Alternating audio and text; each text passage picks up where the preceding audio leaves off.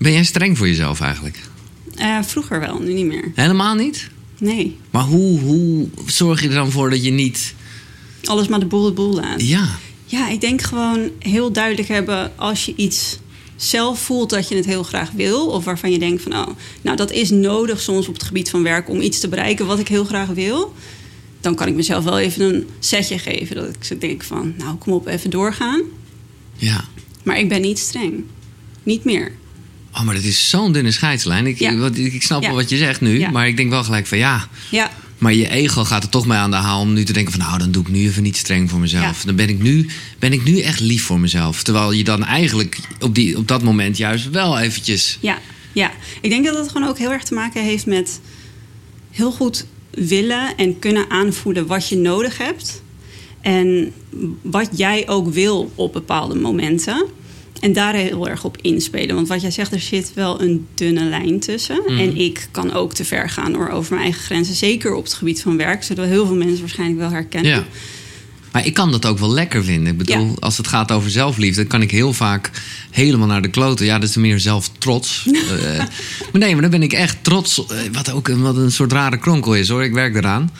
Maar dan ben ik gewoon trots op mezelf dat ik gewoon zo hard gewerkt heb. Ja, maar ik snap het ook wel. Want als je ergens vol passie ook voor gaat... en je voelt daarin ook heel erg die drive... en je stopt daar ook heel veel energie in... dan kan dat ook lekker voelen. Want je hebt voor je gevoel ook echt even flink stappen gezet. Ja, maar goed, je hebt, je hebt niet goed eh, misschien naar je lichaam geluisterd op dat moment. Nee, precies. En dat is voor... Ik denk dat het daarin... Daar is dat dunne lijntje voor mij... Daar ligt de grens. Ik vind het ook heel belangrijk om me goed te voelen. Ja. Dus, en dat, dat heeft ook met het verleden te maken. Als ik merk van, oh, je bent nu eigenlijk echt flink over je grenzen gegaan... en je zit qua energie super laag... ja, dan ben ik niet trots daarop. Nee. Dus dan is dat wel een signaal voor mij dat ik denk... ja, daar mag je dan wel echt wat beter op letten. Dus misschien ben ik op dat moment dan streng voor mezelf. Ja, ja, ja. Juist Dat je, dat dat je streng bent, dat je beter Ja. op jezelf moet letten. Ja. Dus ja, ja, ja. Oké. Dat, Ja. is een soort, dat is een goede... De scheidsrechter van zelfliefde, Ja. inderdaad, ja. Ja. Mag ik een applaus voor Merel Teunis? Ja. Ja, er is nog steeds een bescheiden publiek aanwezig. Je kan er ook bij zijn eh, via de website koekeroe.nl. Het wordt vandaag een self-love talk. Dat is de naam van jouw boek. En nou ja, jouw platform Healthy Wanderlust staat eigenlijk... nou, niet helemaal in het teken van zelfliefde... maar wel voor een groot gedeelte. Ja. Ehm, ja, dit is een beetje definitiegeneus, maar ik ben gewoon benieuwd. Zelfliefde, self-care, verbondenheid met jezelf, Wat? zelfcompassie. Ja, is het nou allemaal één geheel? Is het hetzelfde of zit er, zie Het je... heeft toch allemaal wel met elkaar Nee, dat begrijp ik. Maar is, Ja. is het, het is niet helemaal hetzelfde, begrijp ik. Nee, voor mij, ja, dat vind ik ook lastig. Nee, voor, ik vraag het aan jou. Ja, ik snap, eh, het ik ga ook niet... heel vaak als ik zelf podcast opneem, dan vind ik het ook altijd heel leuk om aan mensen te vragen wat betekent zelfliefde voor jou. Ja. Omdat het dus voor iedereen ook echt wat anders is. Ehm, voor mij is zelfliefde een soort van het overkoepelende. Waaronder zelfcompassie valt, verbinding met jezelf. Voor mij gaat zelfliefde heel erg over prioriteit geven aan jezelf. En letterlijk ook die verantwoordelijkheid daarvoor nemen. Dus de verantwoordelijkheid om voor jezelf te zorgen op verschillende vlakken. Ja, maar oké, ik, ik snap wel wat je zegt. Dus jij zegt Ja. eigenlijk zelfla of zelfliefde, dat is, eh, dat is groente. En dan is com- zelfcompassie is een komkommer. Ja. Maar wat is dan, zelf, wat is dan, zelf, wat is dan zelfcompassie? Ja, zelfcompassie heeft voor mij heel erg te maken ehm, met de manier waarop je met jezelf eigenlijk communiceert. Ja. En in hoeverre die communicatie ervoor zorgt dat jij goed voor jezelf zorgt. Of dat jij ehm, met de communicatie ervoor zorgt dat je jezelf eigenlijk motiveert of stimuleert. En daarin dus niet heel hard voor jezelf bent of streng bent tegen beter weten in. Dus ik denk dat zelfcompassie veel meer te maken heeft met ook hoe ben jij nou eigenlijk tegen jezelf? Wat is de relatie eigenlijk die jij met jezelf hebt? En dan is eh, verbondenheid met jezelf, verbinding met jezelf. Ja, ik denk verbinding in je, met jezelf, dat kan natuurlijk ook weer op verschillende vlakken, inderdaad. Ik denk dat verbinding met jezelf wel heel erg te maken heeft met zelfliefde. Ja. Ehm, omdat, nou ja, wil je überhaupt goed voor jezelf zorgen, dan heb je die verbinding nodig. Dan heb je het nodig om te kunnen aanvoelen wat je voelt, wat je denkt. Ehm, om überhaupt ruimte te maken om die verbinding te voelen, om zo te achterhalen wat je wil, et cetera. Ja, ik merk dus zelf, maar ik vind het echt mooi zoals jij het omschrijft hoor. Eh, en dan voel ik ineens ook wel het verschil. Dat voor mijzelf, want ik vond zelfliefde altijd, ik wilde er niet aan. Ik vond het ook een. Ja, ik weet niet. Nog steeds, ja, Ja. nog steeds word ik een beetje kriegelig ervan. En op Ja. een gegeven moment, eh, toen ik er, nou ja, eh, mede, zeker mede dankzij jouw boek. Ik heb het, eh, nou ja, relatief al een tijd geleden gelezen. En wat andere dingen die gebeurden op mijn reis, zal ik maar zeggen. Dat ik op een gegeven moment echt dacht, oh nee, zelfcompassie ga ik het noemen. Oh ja. Want dat, dat, dat voel ik ook veel meer. Dan voel ik dat kleine jongetje in me. En dan snap ik het gewoon wat meer. Een beetje een soort aai over mijn bolletje. Stil Ja. maar jongen. ja. Ehm, Maar eigenlijk wel mooi dat je dat gedaan hebt. Want volgens mij zeg ik dat op een gegeven moment ook even op een van de laatste bladzijden van mijn boek. Van of je het nou zelfliefde noemt, dat je er een ander Mhm. Ja. woord aan geeft. Als het maar helpt. Als het jou maar geeft wat jij nodig hebt. Dus ik denk dat dat. Daarom vraag ik ook altijd eigenlijk aan iedereen van.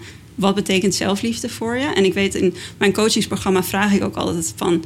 wat betekent zelfliefde eigenlijk nu voor je? En dan vraag ik ook heel vaak in dat traject dat ze lopen... wat mag het voor jou gaan betekenen? Ja, ja, ja, ja. Dus hoe mag het er uiteindelijk uit gaan zien als, jij, als je kan denken van... nou, ik heb zelfliefde echt onder de knie. Dat heb ik in mijn pocket, dat diploma. Hoe voelt dat dan? Hoe sta jij dan in het leven?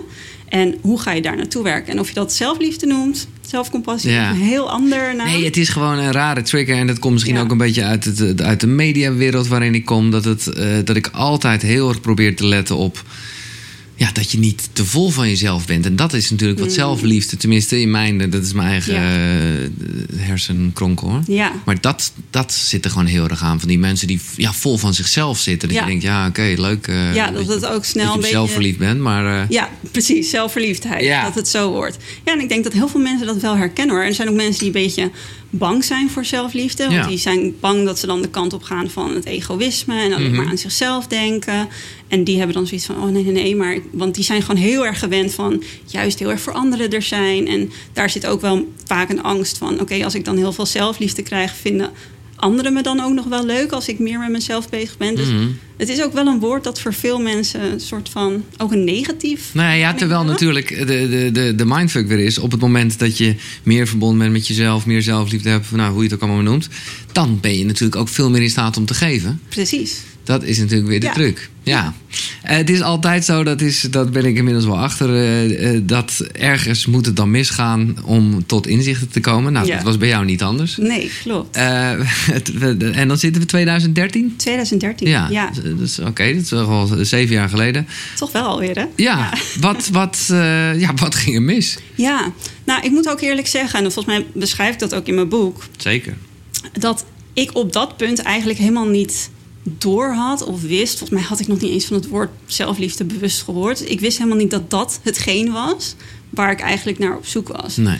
En in 2013 was bij mij, het, het sluipte er een beetje in. Want ik was toen net afgestudeerd, was net een jaartje Pedagogie, pedagoog. ja. pedagogiek gestudeerd. Ik was heel hard aan het werk, want dat herken jij volgens Ja, mij ook bam, wel. bam, bam. bam, bam, Gewoon door, doorgaan, ja. altijd aanstaan. Rennen, gaan. Ja, rennen, in contact staan. En wat jij ook zegt, en nog steeds vind ik dat, ik vind dat ook fijn. Ik vond het ook leuk. En Mhm. Ja.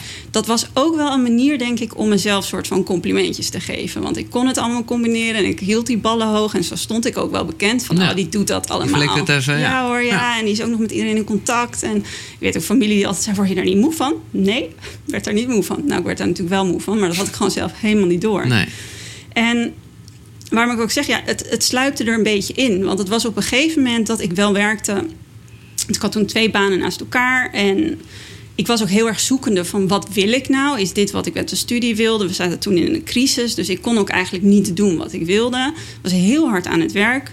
Met kinderen en zo, denk ik, Met neem ik kinderen. aan dan. ja, en ook in de jeugdzorg. Dus Ja. dat was ontzettend pittig. Ja, En zeker ook in de jeugdzorg, dat is ook wel een van de redenen waarom ik weg ben gegaan. En ik heb zoveel, ik vind het geweldig mensen die dat kunnen. Maar ik was zoveel aan het geven. Ja, ja, en ik voelde me ook verantwoordelijk. En ik wilde ook met liefde geven. Maar, je bent compleet kapot en Ja. leeg gezogen als je thuis bent. Ja, ja. Ja. Ja, Maar, dus was er ook een soort, eh, ja, hoe zal ik het omschrijven, onbestemd? Of eh, ja, Wa- was je dan, waren er wel avonden dat je huilend eh, in je bed lag? Ja. Of, oh ja. Steeds meer. Ja. En ik weet ook wel op een gegeven moment.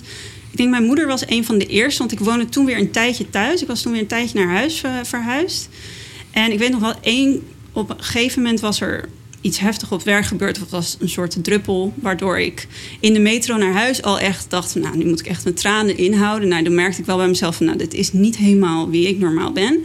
En dat ik s'avonds in bed zat en dat ik zo over mijn toeren was... dat mijn moeder ook tegen mij zei van... nou, dit ga je nu stoppen, want Ja. anders ga je te ver. En ik had zelf helemaal niet het besef van, oh, ik ga te ver. En gelukkig, ik neem mijn moeder altijd wel heel erg serieus. Zij zou dat nooit zomaar zeggen om het zeggen of over bezorgdheid of wat dan ook.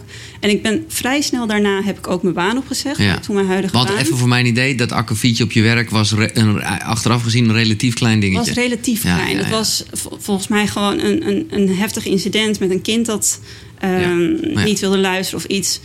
En een discussie met een collega. En dat was gewoon de druppel. Dat was gewoon. En dat was ook wel het moment waarop ik dacht: wauw, ik ben wel finaal tegen een muur aangelopen. Ik had het gewoon totaal niet door. En dat was wel over een periode van verschillende weken hoor. Dat ik steeds meer merkte van nou, ik ben mezelf niet. Maar ook dat ik wel een beetje alsof ik in mijn hoofd de weg kwijtraakte. En dat hoor ik best wel vaak van mensen die een Mhm. burn-out hebben gehad. Van het lijkt wel alsof je je gedachten niet meer onder Nee. controle krijgt. En dat je ook, je bent soort van op zoek naar de antwoorden. Maar het lijkt wel alsof je gek wordt. Alsof je Ja. gewoon niet. Nou, dat, eh, ik, denk dat dat het is. Ja. De, de, ja, je bent niet in staat meer om het tijd te keren nee, eigenlijk. helemaal niet. Dus is het misschien ook wel even nodig om dan een soort uitbraak te hebben? Ik denk het wel. Ja. Ik denk ook wel dat het een soort waarschuwing is, ook van je lijf op een gegeven moment van oeh, wakker worden. maar wat dan? Wat Wat, wat, eh, hoe, eh, ja, wat, wat ben je toen? Oké, je hebt je baan opgezegd. Ja, ik ben mijn baan opgezegd en ik moet eerlijk zeggen, want achteraf pas heb ik doorgehad dat ik tegen een burn-out aanhikte. Ik had toen eigenlijk dat ik het idee had van nou, je bent gewoon een beetje kwijt wat je wil in het leven en dat Ja, ja. zorgt voor heel veel onrust. Wat natuurlijk ook zo kan zijn en dat had Geef ook het allemaal met naam, elkaar ja. te maken, precies. Ehm, en toen ben ik op een nul-urencontract ergens gaan werken, wat ook wat prima was. En toen ben ik vrij snel heb ik daarna gepland van nou, nu ga ik op reis. Dus ik ga wat anders doen.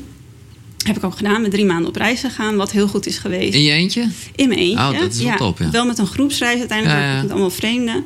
Hm. En, maar goed, daarna kwam ik terug en toen waren natuurlijk al diezelfde vraagstukken er nog steeds. Dus het was natuurlijk, het heeft heel erg geholpen, maar het was, het was nee, niet was een voorbij. beetje uitstellen, ja. En toen ben ik vrij snel daarna ben ik wel hulp gaan zoeken ook. Omdat, ja, gelukkig heb ik wel de instelling en ook echt vanuit huis uit meegegeven. Van als je het niet weet, dan vraag je hulp. Maakt niet uit aan wie. Weet je, er zijn genoeg mensen die meer ervaring dan jou hebben in het leven. Of die een expertise hebben die je kunnen helpen. En toen ben ik terechtgekomen bij een hele bijzondere vrouw. Ik noem haar een coach, maar wat precies haar beroep was, weet ik niet. Ze Zij heeft, werkte ze heeft ook- jou gecoacht in ieder geval. Precies. Ja. Ze werkt ook met energievelden. En Ja. ik kende haar via, via, via een hele goede vriendin van mij. Dus ik dacht, nou, dat voelt goed. Dat ga ik gewoon doen. Vond ik wel heel confronterend. Want ja, ik was toen, ik ben nog steeds pedagoog. En dan gaan al die stemmetjes in je hoofd los van... ga jij nou echt hulp vragen, Ja, terwijl het ja, jouw ja, werk is... om mensen dagelijks te helpen om hun leven op de rit te krijgen. Ah, je bent fucking streng voor jezelf. Ja, precies. nou goed, gelukkig heb ik niet geluisterd Nee. naar die stemmetjes. Maar ik weet nog wel de eerste keer dat ik in haar wachtkamer zat in, in Amsterdamse grachten. Dat ik bijna dacht van. Dat ik weet nog dat ik tegen mezelf zei: als ik nu ga, want ik was te vroeg, ben altijd te vroeg. ja. Dan, heeft ze niet, dan wist ze niet dat ik hier was. Oh, wow. En dan zeg ik gewoon dat het niet uitkwam. En dan ben je niet afgegaan, soort van. Nou, en toen dacht ik echt, nee, je bent helemaal gek geworden. Je blijft gewoon zitten hier. Ja. Gelukkig ben ik ook blijven zitten. En wat, wat, wat, ging, ja, wat, wat gingen jullie doen? Waren het gesprekken? Je zei, jij zegt ze werkt met energie. Ja. Wat, wat, wat, eh, ja. Ja. zij werkte met energievelden en zij werkte ook met drukpunten in je lijf. Ja? Waarbij ze dus keek van, nou, zit daar bijvoorbeeld bepaalde trauma's vanuit het verleden? Zit er pijn wat je niet los kan laten? Et cetera. Dan moet ik zeggen, het is zeven jaar geleden. Dus ik weet ook niet precies meer Nee. hoe dat ging. Ik weet alleen dat ik het heel indrukwekkend vond. Eh, en gesprekken. Ja. Heel veel praten, Ja. heel veel reflecteren. En wat was, eh, ja, zonder het helemaal over te doen, maar wat was ja, het inzicht? Wat Had dus vooral iets met zelfliefde te maken? Of hoe, hoe ging dat? Nou, daar kwam ik wel uiteindelijk achter. Want ik weet ook wel dat ik bij haar eigenlijk ging zitten met, met het vragen van... ja, ik weet gewoon niet wat ik wil. Ik weet niet waar mijn passie ligt. Ik, ik heb geen plezier in het werk dat ik doe. En ik heb hiervoor gestudeerd. Hoe moet ik nu verder? Maar dit kennen we allemaal. Dus, ga, Ja. dus ik ben heel benieuwd hoe jij dit hebt opgelost. Nou, en het was ook wel mooi, want ik weet niet hoe ze dat gedaan heeft eigenlijk. Maar op een gegeven moment heeft ze het helemaal gedraaid naar... ja, maar laten we eens bij jou beginnen. En dat, ik weet ook nog wel dat dat was op dat moment... ik denk niet voor haar dat het moeilijk was, maar voor mezelf... er was echt een heel erg schild waar ik doorheen moest. Want Nou goed, nu zou je dat misschien niet meer... eh, Mensen die mij kennen zouden dat niet zeggen... maar ik was best wel een gesloten persoon. Hmm, dus je was wel heel sociaal. Super Maar sociaal. het was eh, een beetje Amerikaans. eh, Ja. Van plastic en zeil. Ja, absoluut. Ik had daar echt wel... Ik was ook best wel goed in een masker opzetten. Ja, het, ja, was ook altijd, nou, het ging altijd goed met me. En, nou, emoties tonen. Ja, tuurlijk, ik toonde wel emoties. Maar tot een zekere hoogte. Het was niet... Ik, ik liet geen tranen bij een ander zien. Absoluut Maar je niet. wist dat zelf eigenlijk niet eens. Dat was gewoon... Nee, dat je- was gewoon een way of life geworden. ja, ja, ja. En dat dat heel erg een soort beschermingsmechanisme was. En ook wel ja, een, een imago wat ik van mezelf koesterde. Van jij bent dat sterke meisje, dat meisje waar het altijd goed mee gaat, dat alles aan kan. Ja, ik hield dat, daar had, dat vond ik heel waardevol, blijkbaar. Maar hoe heb je dat doorbroken dan? Ja, dat, dat was wel eventjes diep gaan. En ik weet ook nog wel dat, dat, dat ik die gesprekken had. En dat zat in het begin twee of drie weken tussen. En uiteindelijk was dat wat langer. Maar dat maakte zoveel los. En ik weet ook nog wel dat... En ik had gelukkig een hele goede vriendin van mij... die op precies dezelfde eh, tijd ook bij haar liep... voor andere eh, dingen. Dus ik kon met haar Ja, ja, daarover dat praten. dat ja. was echt heel fijn. Want ik weet nog wel dat ik me best eenzaam ook voelde... in dat gevoel van hoezo moet ik hier nou doorheen... en hoezo heb ik al die problemen. Ik bedoel, ik heb niks heel ernstigs meegemaakt. Hoezo zit Nee. ik daar zo mee? En dat was ook nog wel een tijd waarin er niet heel erg gepraat werd over. Nou, je, je gaat in therapie of coaching Nee. of je zoekt hulp. Dat was toch nog een beetje iets van, nou, Nee, dus om het maar. Dus, dus, dus de zelfcompassie eh, was op dat moment even ver te zoeken. Het was Ja. meer van hoezo heb ik dit? Even, Ja, eh, ja, eh, precies. Ja, ja, ja. En ook wel heel erg op dat naar buiten gericht. De hele tijd van, maar hoezo hebben de anderen dat niet? En et cetera. En ik denk dat het, het, het turning point, om dat maar even te noemen, was dat ik dacht... ja, het, uiteindelijk gaat het ook niet om de wereld om me heen... maar het gaat om mij. En ik moet daardoor heen. En ik zag ook opeens waar zij de hele tijd op zat te prikken... van, ja, maar er zit iets in jou... en jij houdt alles gesloten. Voor de buitenwereld, maar al helemaal voor jezelf. En ik weet, een van de dingen, en volgens mij heb ik dat ook in mijn masterclass laatst gedeeld, van een van de dingen die zij op een gegeven moment tegen mij zei. En toen zei ze daarna ook van, nou, nu laten we even een maandje ertussen zitten. En toen dacht ik nog, eh, maand? Eh, want dat was iets van twee weken, Ja, dus bijna paniek. Maar toen zei zij in die coaching, zei ze, ja, maar Merel, weet je...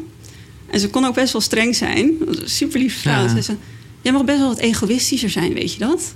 En ik weet nog dat ik dacht, nee. Want ik hou, wie houdt nou van een egoïstisch nee, persoon? Dus dat was een hele negatieve lading. En toen zei ze ook nog, nou, laten we er even vier weken tussen zitten. En toen dacht ik, hoezo? Eh, maar dat had ik nodig om eigenlijk tot het inzicht te komen van... ja, je hebt, je hebt helemaal gelijk. Want ik ben eigenlijk alleen maar bezig geweest met die buitenwereld. Mhm. En geven in energie Ja. en aandacht en tijd. En ja, als de relatie met jezelf belangrijk is en communicatie met jezelf, ja, dat, is, dat egoïsme is eigenlijk niks mis mee. Nee. Er is niks mis mee. Als daar een balans in zit en als dat ervoor zorgt dat jij uiteindelijk lekker in je vel zit, wat jij net al zei, waardoor je ook meer te geven hebt, Mhm. dan waarom zou je dat niet doen?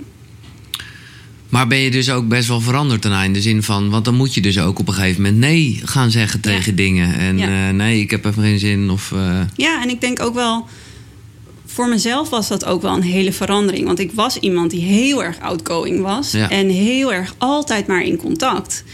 Maar ik kwam er uiteindelijk achter van... ja, is dat dan wel wat mij gelukkig maakt? Is dat dan wel waar ik eigenlijk al mijn energie en mijn tijd aan wilde besteden? Dus ik ging ook eigenlijk veel meer... voor vrienden van mij heen was dat ook wel van... ja, je laat niks meer van je horen, wat niet zo was. Nee. Want, maar normaal was ik de hele tijd in ja, contact. ja. Dus opeens was dat heel anders. Dus dat was voor mijn omgeving denk ik een soort zoektocht. Maar ook voor mezelf. Maar ik denk wel, op een gegeven moment is er bij mij een soort knop omgegaan waarbij ik dacht: Weet je, het is gewoon oké. Alles wat ik moet uitzoeken, dat is oké. Als ik het niet weet, is ook oké. Ik kom er wel. Dus daar is dat stukje zelfcompassie, denk ik. Nou ja, kijk, als ik, me, als, ik jou hoor zeggen over een knop omzetten, ja, dat is dan, dat, en dat om- omschrijf je ook in je boek. eh, ja, uiteindelijk is het dus gewoon mindset. Ja, ab- absoluut. Ja, absoluut. En ik geloof ook, en dat schrijf ik ook in mijn boek, en ik geloof er echt heilig in dat het, het begint altijd bij jezelf. Ja. Het neemt niet weg dat er soms. Nou ja, precies. Het klinkt, het klinkt eh, eenvoudig, maar het is natuurlijk Nee. niet makkelijk. Want Nee, ja, je kan niet ineens denken: oké, dus vanaf nu eh, ben ik liever voor mezelf. Of Nee. eh, ja. nee, het is wel een groeiproces. ja. Ja. Nou ja, en wat ik gewoon een valkuil vind, dat is een beetje ook waar we mee begonnen. Eh, bijvoorbeeld op jouw site en ook in het boek eh, gaat het over eh, eh, liefdevol eten, recepten en zo staan erin. ja. Maar ik denk dat heel veel mensen, eh, ja, als ze denken gewoon aan, aan zelfliefde of lief zijn voor jezelf, dat ook juist kunnen doen met. Oké, nou vanavond ben ik even lief voor mezelf. Vanavond trek ik gewoon wel die zak chips open. Ja. Of vanavond. Maar ja, is dat dan dus is dat dan wel zelfliefde? Of is dat toch een soort. Ja, is lastig hè? Ja. Ja, is heel lastig. Ehm, nou ja, ik ben sowieso niet iemand, ik hou helemaal niet van denken in beperkingen en hokjes en wat dan ook. Dus ook zeker niet op het gebied van zelfliefde. Ik denk dat als, als dat is waar jij op dat moment behoefte aan hebt... en je denkt van ik ga wel even lekker Netflixen, verstand op Mm. zak chips op de bank... kan prima zelfliefde zijn. Ja. Ik denk, inderdaad, en dat is ook een van de redenen waarom ik echt liefdevol eten in het boek heb gedaan. Omdat dat, dat is best wel een lastig onderwerp voor heel veel mensen. En wat jij zegt, waar is dat dan balans dan? Precies, want ik vind, eh, ja, jij schetst het in een situatie waarbij je dat misschien dus in balans kan houden. Maar als ik het zou toelaten, ik bedoel, ik ben gewoon lekker streng voor mezelf. Ja. Want anders zou het ego, noem ik het maar eventjes, Ja. dat stemmetje, dat zou altijd winnen. En dan zit hij gewoon weer te blowen thuis op de bank met eh, cola en chips. Ja, ja, dan is het gewoon van, ja, wat ben ik toch lief voor mezelf. Ja, nou ik denk dus, ehm, als ik zeg maar vanuit mezelf spreek, voor mij is zelfliefde voornamelijk heel erg nadenken van oké, wat, maar wat is echt goed voor mij? Ja, Weet je, waar, precies. wat is niet alleen nu goed voor mij, maar Ja. wat is op de lange termijn Ja, goed voor mij?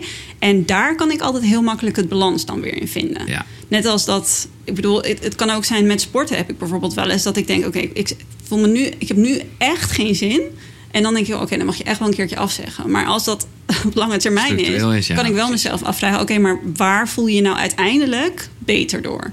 En dan kan ik heel snel de keuze maken, oké, dan is dat wel sport, Mhm. bijvoorbeeld. Het is daar. Het is, bedoel, uiteindelijk is het wel Ja. degelijk de zoektocht naar balans. En moet je vooral weten dat die keer Netflix eh, of die hamburger of whatever. Dat het oké, eh, nou ja, voor nu even goed is. Maar precies Ja. wat je zegt. Dat je maar wel realiseert dat het eigenlijk op lange termijn Ja, eh, niet zo goed voor je is. ja maar hoe wil, hoe wil jij uiteindelijk in het leven staan? Hoe wil je je voelen? En welke manier van leven of eten Ja. past daar uiteindelijk het Ja. beste bij? Maar ik vond het voor mezelf. Ja, hoe, het klinkt allemaal heel logisch als ik het nu zeg. Maar ik vond het wel een eye-opener dat gezond leven. En dan gaat het over beweging, dan gaat het over voeding, dan gaat het over slapen. Ja, eh, als je dus inderdaad, nou ja, waar we het over hebben, je mind eh, goed wil zetten. Ja. Ja. Dan moet je dat toch echt eventjes eh, onder controle hebben. Of nou ja, onder controle hebben. Gewoon eh, ja, zo goed mogelijk doen. Gezond Ja. mogelijk doen. Ja, precies. Ja, en uiteindelijk heeft denk ik ook alles invloed op elkaar. Ja. Dus als het ene heel erg uit balans is, dan wordt het ook lastiger om aan het andere te werken. Is dat wat ze holisme noemen? Ik weet het nooit zo goed. Ja, volgens mij wel. Ja, nee, precies. Ja, nou ja, ik ben allemaal definities aan het leren. Ja, nee, heel goed. Nou, ik leer met je mee. Oké. Eh, eh, is dat ook het moment geweest? Hè? Dus we hebben het net over 2013 gehad. Eh, dus daar, daar, daar, nou ja, daar, daar, daar klom je langzaam Ja. uit met een soort wetenschap. En toen ben je gelijk Healthy Wanderlust begonnen ook? Of? Ehm, nou, ik ben in dat jaar toen wel een website begonnen. Oké. Ehm, die ben ik ook weer gestopt. Ik heb er ook wel eens een keer volgens mij een podcast over opgenomen. Ja, dat heb ik wel gehoord. Want Ja. jij- dat vond ik heel herkenbaar. Want dat is precies wat met Koekeroe gebeurde. Oh ja? Namelijk dat ik gesprekken had opgenomen, maar ze nog niet publiceerde. Nee. Omdat ik gewoon zelf wilde ik heel graag die gesprekken voeren. Maar ik schaamde er een beetje Ja. voor. Was bang wat mensen ervan gingen zeggen. Precies. Totdat die mensen zelf begonnen met... eh, ja, en er zaten, ik bedoel, eh, fucking Wim Hof zat ertussen. Ja. Dat zijn team had ook zoiets van, ja, komt het nog Komt het online, nog weet je wel? Ja. ja. ja, ja, Ik wist Ja. ook wel, wat moet een keer gebeuren. Maar Ja, nou precies zo heb ik dat ervaren. En volgens mij heb ik hem uiteindelijk weer offline gehaald. Was het meer dat ik dacht, oké, dit is dan gewoon een projectje voor mezelf. Want dat was in jouw reis waar we het net over hebben, de Precies, ontdekking. En daar ging jij eigenlijk Ja, en ik denk uiteindelijk achteraf gezien is het ook prima dat ik dat toen voor mezelf heb gedaan. Want Mhm. het was ook gewoon een beetje een uitlaatklep. En uiteindelijk ben ik veel meer een website ook gestart. Ook voor mezelf, wat een uitlaatklep was. Maar ook omdat ik aan anderen wilde meegeven. Ja. Van wat nou de waarde was van zelfliefde of persoonlijke groei, et cetera. Ja. Dus, maar ook dat ben ik toen begonnen, een soort van stilletje. Ja, ja, ja. En niet echt gedeeld, maar ook. En dat is een beetje mijn eigen ding. Dat is ook, want op een gegeven moment in 2013 ben ik toen gestart met de coaching. Heb ik maar met heel weinig mensen gedeeld. Omdat ik helemaal geen zin had om de mening van een ander te horen. Ik dacht gewoon, dit is mijn ding nu. Dit ga ik nu gewoon doen. Ik wil vooral mezelf kunnen horen. En ik wil eigenlijk niet beïnvloed worden door wat iedereen daarvan vindt. Nee, nou, En als ik zelf op een punt ben dat ik denk, nou, nu sta ik er gewoon steady in. Ik weet wat ik hiervan vind. Dan prima. Klinkt als een soort Ja. gezond egoïsme waar we het Ja. over hadden. Of in ieder geval iets voor jezelf Ja, dat was voor mij, dat voelde gewoon oké. Ja. Ik moest zelf eerst even mijn weg erin vinden. En toen de rest. En, en, en toen je er uiteindelijk wel iets, uh, nou ja, toen je het wel online liet staan, zeg maar. Ja. Hoe, wat, wat, wat, wat, uh, ja, was je gedachte en hoe, ja, hoe ging dat? Ja, nou, ik vond het nog best. Want ik ben eerst begonnen voornamelijk met het e delen over eten. Ja. En van hoe kan je nou goed voor jezelf op die manier zorgen. En hoe komt dat uiteindelijk in je mindset naar boven. En ja, dat is heel erg wel gezond is geluk. Absoluut. Toch? Je? Ja, ja absoluut. Dat, dat, daar staat Healthy Wanderlust ook voor. Dat een beetje een soort hersenkraker van... Oh, waar staat nou maar shit. zoektocht naar een gezond leven. Oh, wauw. Ja, precies. Oh, wauw. Ja, ja. Ik heb er, ik heb er ook gewoon niet over Iedereen nagedacht. zegt altijd healthy, wat? Ja, oké. altijd even, ja. Ja, nou, Ja. mooie naam dus. Ja. Maar dat was eigenlijk, maar dat was voor mij de veilige insteek, omdat dat was al iets waar ik al jaren mee bezig Mhm. was. Daar wist ik ook gewoon heel veel van. En toen, ik weet, mijn vriend die is een van de cheerleaders daarin geweest. Die zei: ga nou meer daarover delen, over zelfliefde. Want dat is je passie en je weet hier heel veel van. Je kan hier echt anderen mee helpen. Ga het gewoon doen. En ik weet de eerste keer dat ik het volgens mij op Instagram ging delen... en dat ik wat artikel had geschreven... kreeg ik daar zo snel veel meer reacties Mhm. op dan op recepten. En veel meer vrouwen die zeiden... oh, wauw, dat je dit durft te delen. En hier loop ik ook tegenaan. En hoe doe je dit dan? Dat ik dacht, oké, nou, er, Dit is, is, eh, ja. er is oor naar. Ik ga gewoon door. En dat is eigenlijk ja. doorgelopen. Nou ja, top. En, en, Ja. en nou ja, dat is dan nu echt een soort basis geworden van Healthy Wanderlust. En nou ja, ook gewoon van jouw dagelijkse bezigheden. Want eh, wanneer werd je toen, of is dat echt iets pas van recent daar, dat je ook echt zelf coach werd? Eh, ja, ik ben altijd pedagoog geweest, maar in verschillende vlakken. En toen denk ik twee jaar geleden dat ik dacht... Toen ben ik natuurlijk ook gestart met het schrijven eh, van mijn boek. Of anderhalf jaar geleden. Dat ik dacht, oké, nu wil ik eigenlijk gewoon voor mezelf dit gaan doen. En specifiek het onderwerp mindset, persoonlijke groei, zelfliefde. Daar een combinatie van. Omdat... Ik ben ook niet heel goed in werken voor een werkgever. Nee. Dat- nee dat, ik, kan, ik kan dat gewoon op de een of andere manier niet zo goed. Ik hou ook niet van dat hiërarchische. Dus ik dacht op een gegeven moment... als ik gewoon lekker voor mezelf ga... dan is dat prima, dan kan ik dat zelf bepalen. En eigenlijk is dat ook gewoon een beetje zo gaan rollen. Want ik Hmm. wist op een gegeven moment ook in het begin ook niet van hoe wil ik mensen nou gaan helpen daarbij. Maar ik merkte dat heel veel mensen gewoon behoefte hadden aan: oké, welke stappen kan ik nou Ja. gewoon zetten? Hoe zorg ik ervoor dat ik uit dat. Toevallig sprak ik daar vandaag nog iemand over die zei van: ik weet heel goed wat ik wil qua mindset. Ik, ik weet dat ik die vicieuze cirkel van negatieve gedachten of mezelf klein houden moet doorbreken. Ik heb ook gelezen hoe het moet, maar hoe doe ik dat nou? Ja. En ik wil gewoon die stappen zetten waardoor ik uiteindelijk anders ga denken. Nou, ik ben heel benieuwd of je die tegen die persoon gezegd hebt. Ja, natuurlijk. Maar ik help, ik help ook altijd met iedereen met liefde. Maar dat was ook op een gegeven moment waarom ik dacht... oké, dit is waar ik mijn coaching op ga baseren. Omdat als ik met die vrouwen en mannen dat traject inga... dan weet ik ook precies welke stappen ze moeten gaan zetten. En ik weet ook, wat jij net ook al zei... van het is niet zo 1, 2, 3 Nee. gepiept. Nee. Maar als jij wel die keuze maakt om echt vol ja tegen jezelf te zeggen... en dat vind ik ook altijd heel mooi om eigenlijk te zien... zodra mensen zeggen, oké, ik ga met jou in zee... en ik ga die coaching aan... dan gebeurt er ook al Dan hoef je bij wijze van spreken zelf, nou ja, je hoeft niet niks te doen, maar echt bijzonder wat er dan Ja, ik gebeurt. snap het wel, ja. ja. omdat je er dan ook tijd en geld en je hebt Ja. gewoon investeerd, je Ja. soort stok achter de deur. Ja, en mensen ervoor. die hebben echt zoiets van... oké, ik, ik maak nu echt die keuze voor mezelf. Ik durf dit nu echt een keer te doen. En dan alleen komt er al heel veel kracht bij mensen boven. Ja. Dan zie je al een soort van een twinkeling in hun ogen... en denk je, ja, Nou gaan we hier niet even in een paar minuten jouw hele coaching eh, Nee, kunnen dat- krijgen. Dat is ook... eh, nee, dat, daar eh, kan ik meteen stoppen. Ja, nee, maar, maar toch... eh, ja, het is een wat vrij open vraag, maar misschien eh, schiet je iets binnen. Als jij gewoon eh, wat tips en tools geeft om je dagelijks... Nou, laat ik toch maar zeggen, gelukkiger te voelen. Ik vind dat niet altijd overigens...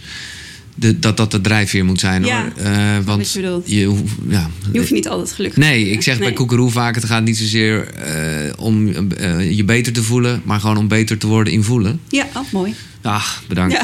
Maar toch wat tips en tools om... nou ja, Ja, Ehm, nou goed, wat ik altijd een heel belangrijk onderdeel ook vind, wat ik met heel veel mensen bespreek en wat heel lastig is, is een van de tips die ik altijd geef, is word je eens bewuster van de manier waarop je met jezelf communiceert. Dat de manier waarop je met jezelf communiceert, en heel vaak hebben we het echt niet eens door, dat we de hele dag door met onszelf communiceren in de manier van jezelf bekritiseren, jezelf dingen uitleggen, jezelf motiveren, stimuleren. Je moet eigenlijk de hele dag een soort dialoog met jezelf Mhm. aangaan. Als je eigenlijk niet doorhebt dat dat een hele negatieve manier is, dan kan dat dus ook een heel gefrustreerd gevoel geven. Want waarom voel je, zit je nou niet lekker in je vel? Waarom heb je geen zelfverzekerd gevoel? Of waarom voel je je niet krachtig genoeg en zie je iedereen om je heen flinke stappen zetten uit een comfortzone en denk jij maar van nou, wat is er mis met mij? En het bewustzijn creëren alleen al is vaak de basis die je nodig hebt om überhaupt stappen te gaan zetten. En om die stem te kunnen veranderen, de, de toon. Ja, ja, dus heel vaak merk ik uh, bij heel veel vrouwen ook die ik coach, die willen eigenlijk al van A meteen bij Z zijn. Ja. En die willen eigenlijk al ja, dat alles meteen verandert en ze willen zich anders voelen. En dan zeg ik ook heel vaak, ja, maar wat zorgt er nou eigenlijk voor dat jij je nu zo voelt dan? En dat kunnen belemmerende geloofsovertuigingen zijn, dat kunnen bepaalde patronen zijn, uh, dingen die je in het verleden meegekregen hebt, die nog steeds op onderbewust niveau heel veel invloed op je hebben.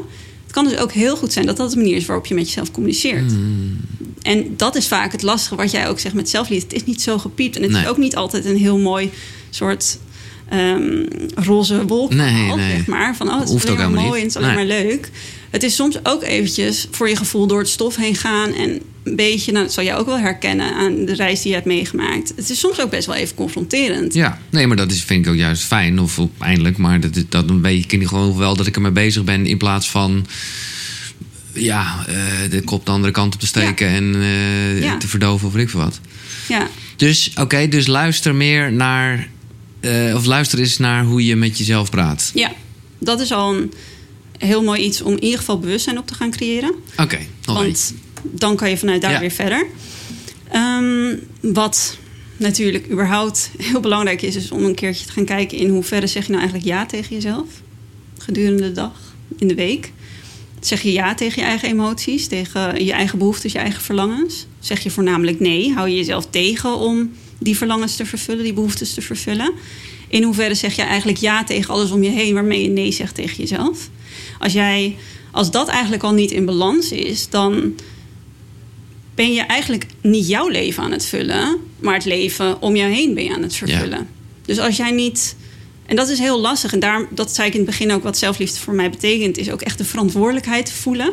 En dat mhm. kan dus soms ook een beetje egoïstisch voelen. Van oké, ga ik dan dat nu allemaal voor mezelf doen? Maar heel vaak is het zo, als jij dat niet voor jezelf doet, is er is niet per se die een ander doet. En los daarvan, dat schreef ik ook heel vaak mee. Jij weet uiteindelijk als enige vaak het allerbeste wat je wil. Ja. Want als je, ik bedoel, of je moet heel goed zijn in dat continu communiceren aan een ander. En een ander moet zich heel erg verantwoordelijk voelen om dat voor jou te doen. Wat niet gezond is. Nee, precies. Maar, ja, ja. En wat je, dat vond ik mooi wat je net ook zei. Als jij uiteindelijk jezelf vult. Als jij zelf denkt van oké, ik, ik nou, geef vorm aan mijn leven. De manier waarop ik dat zo graag zou willen ervaren. Sta je ook veel lekkerder in het leven. Veel, veel met veel meer rust en vertrouwen en kracht en positiviteit. Er zijn natuurlijk ook genoeg mensen of momenten in ieder geval. Uh, dat je ja, dat, je, dat je zelf het ook even niet zo goed weet wat je eigenlijk vindt. Of wat je eigenlijk wil. Of, of nou ja, weer eventjes terug naar jouw 2013. Ja, wat, wat, je, je kreeg toen geen antwoord nee. in wat wil ik eigenlijk. Ja, en toevallig had ik, eh, ik had gisteren een live coaching moment met de members van mijn programma. En toen hadden we het hier ook over. Van wat, is het, wat, wat doe je nou eigenlijk als die negatieve emoties gewoon een tijdje overheersen? Ja. En een van die tips die ik ook aan hun gaf is... in hoeverre maak... Kijk, want als we negatieve emoties... en dat is dus wat ik in het begin dus heel erg deed... die negatieve emoties die ik ervaarde... ik was vooral bezig met hoe de buitenwereld daar dan aan bijdroeg, weet je wel. Wat, wat doet de buitenwereld? Wat gebeurt er om mij heen... waardoor ik me zo voel? En voor mij veranderde dat heel erg toen ik ging kijken... oké, maar wat zit er dan eigenlijk achter die emotie? Want ik heb ooit een heel mooi boek gelezen en die, dat, daarin stond ook van bijvoorbeeld boosheid, ook zeker bij vrouwen, is iets wat onbewust best wel onderdrukken soms. Terwijl boosheid, net als verdriet en frustratie, irritatie, is een hele menselijke emotie. Ja, ja. En ik vond het heel mooi, want ik weet niet meer precies hoe ze dat omschreef, maar volgens mij omschreef ze het van. Een emotie is allereerst altijd een manier van communiceren met jezelf. Het is mhm. een signaal aan jouzelf wat je iets probeert te vertellen. Dus als jij ruimte vrijmaakt om daar een keertje naar te gaan luisteren, ga er hmm. maar gewoon eens mee zitten met dat gevoel. Nou, ik denk je, en ik weet jouw platform, eh, dat is voornamelijk voor vrouwen. Of althans, ja, ik uh, bekijk het met liefde en ik heb ook je boek eh, Gelukkig. gelezen. Ja. Uh, maar ik herken heel erg wat je zegt. En ik zit daar nog steeds een beetje mee. Omdat ik wel erg merk dat voor mij boosheid en verdriet. Terwijl dat echt twee losse emoties zijn. Ik heb dat toevallig echt ja, op een hele andere manier geleerd met Qigong, wat een soort vechtsportachtig iets is. Uh, en dat ging heel erg over ademhaling. En toen begreep ik pas van, oh ja, er zit echt verschil in boosheid en Ja. verdriet. Ja. Terwijl bij mij, als ik maar een beetje boos word. Ik ken eigenlijk de emo- emotie boos helemaal niet zo goed. Want dan komt er gelijk verdriet. Wat wel dus echt wat anders is. Ja, en het heeft ook heel erg te maken met toch een gevoel van onmacht dat heel erg daartussen Ja. inslingert. Ja. want ik herken dat heel erg vroeger als ik ehm, eigenlijk verdrietig was, werd ik heel boos. Oh ja, jij was best wel irritant, hè? Ja. ja, ja. Ja, ja. Dat, maar dat ik schrijf je in je boek, hè, voor de Ja, duidelijkheid. ja, ik was een heel boos kind. Ja. Maar echt heel boos. Ja. En ik, ik begreep er helemaal niks van. Nee. Maar ik Gewoon denk, kort lontje. Ja, eh, ja. super kort lontje. En dat was ook nog wel mooi, want dat was... Nee, mooi, dat is helemaal niet mooi. Maar ik was dat voornamelijk thuis. Tuurlijk. Maar daar voelde ik me veilig. Ja. Dus daar ontplofte ik de hele tijd. Ja. Wat verschrikkelijk moeilijk natuurlijk ook was voor mijn ouders. Maar ook voor mij. En daarachter zat eigenlijk veel meer verdriet van... ehm, eigenlijk wil ik gehoord worden. Ja. En ik heb ik moeite met mijn emoties uiten. En ik wil eigenlijk juist gewoon heel erg geliefd zijn. En omdat ik het gevoel had dat ik daar niet aan kon voldoen... werd ik de hele tijd boos. De hele tijd boos. Maar als kind begreep ik dat niet. Nee. Dus ik herken dat nog steeds bij mezelf. Als ik eigenlijk ergens door gekwetst word of verdrietig ergens door ben. Bij mij is een natuurlijke reactie meteen boos. Afzetten, Ja, ja, ja. muur omhoog of afgeven. Gelukkig kan ik dat inmiddels herkennen.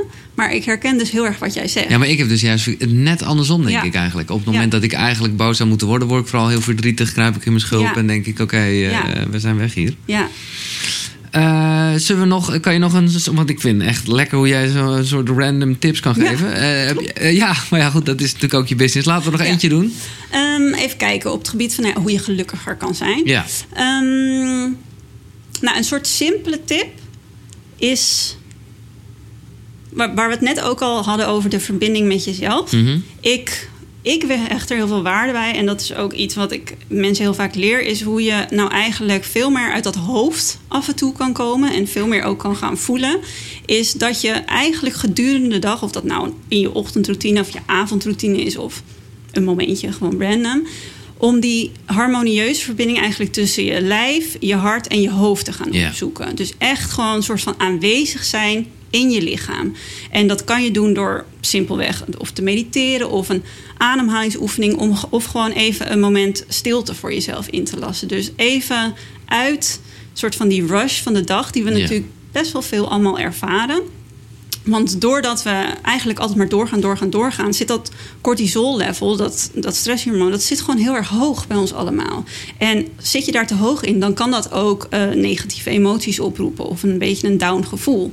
Dus ga maar wat vaker die rustmomenten van innerlijke rust voor jezelf creëren. En dan zal je ook wel ervaren, in ieder geval, dat is mijn ervaring persoonlijk, ook als ik me niet zo lekker voel en ik Mhm. las zo'n momentje voor me in, dat je daarna al veel sneller denkt van oké. Is eigenlijk allemaal veel lichter. Mhm. Het is oké, je kan weer wat Verdampt helderder Dus, dit- Precies. dus gewoon heel, ja, heel classic eigenlijk. Ja. Weg uit dat denken, meer in het zijn. ja, precies. Ik vind het leuk, eh, en dat merkte ik ook, eh jouw laatste podcast. Je hebt ook een podcast voor de duidelijkheid, Self Love Talk. Ja.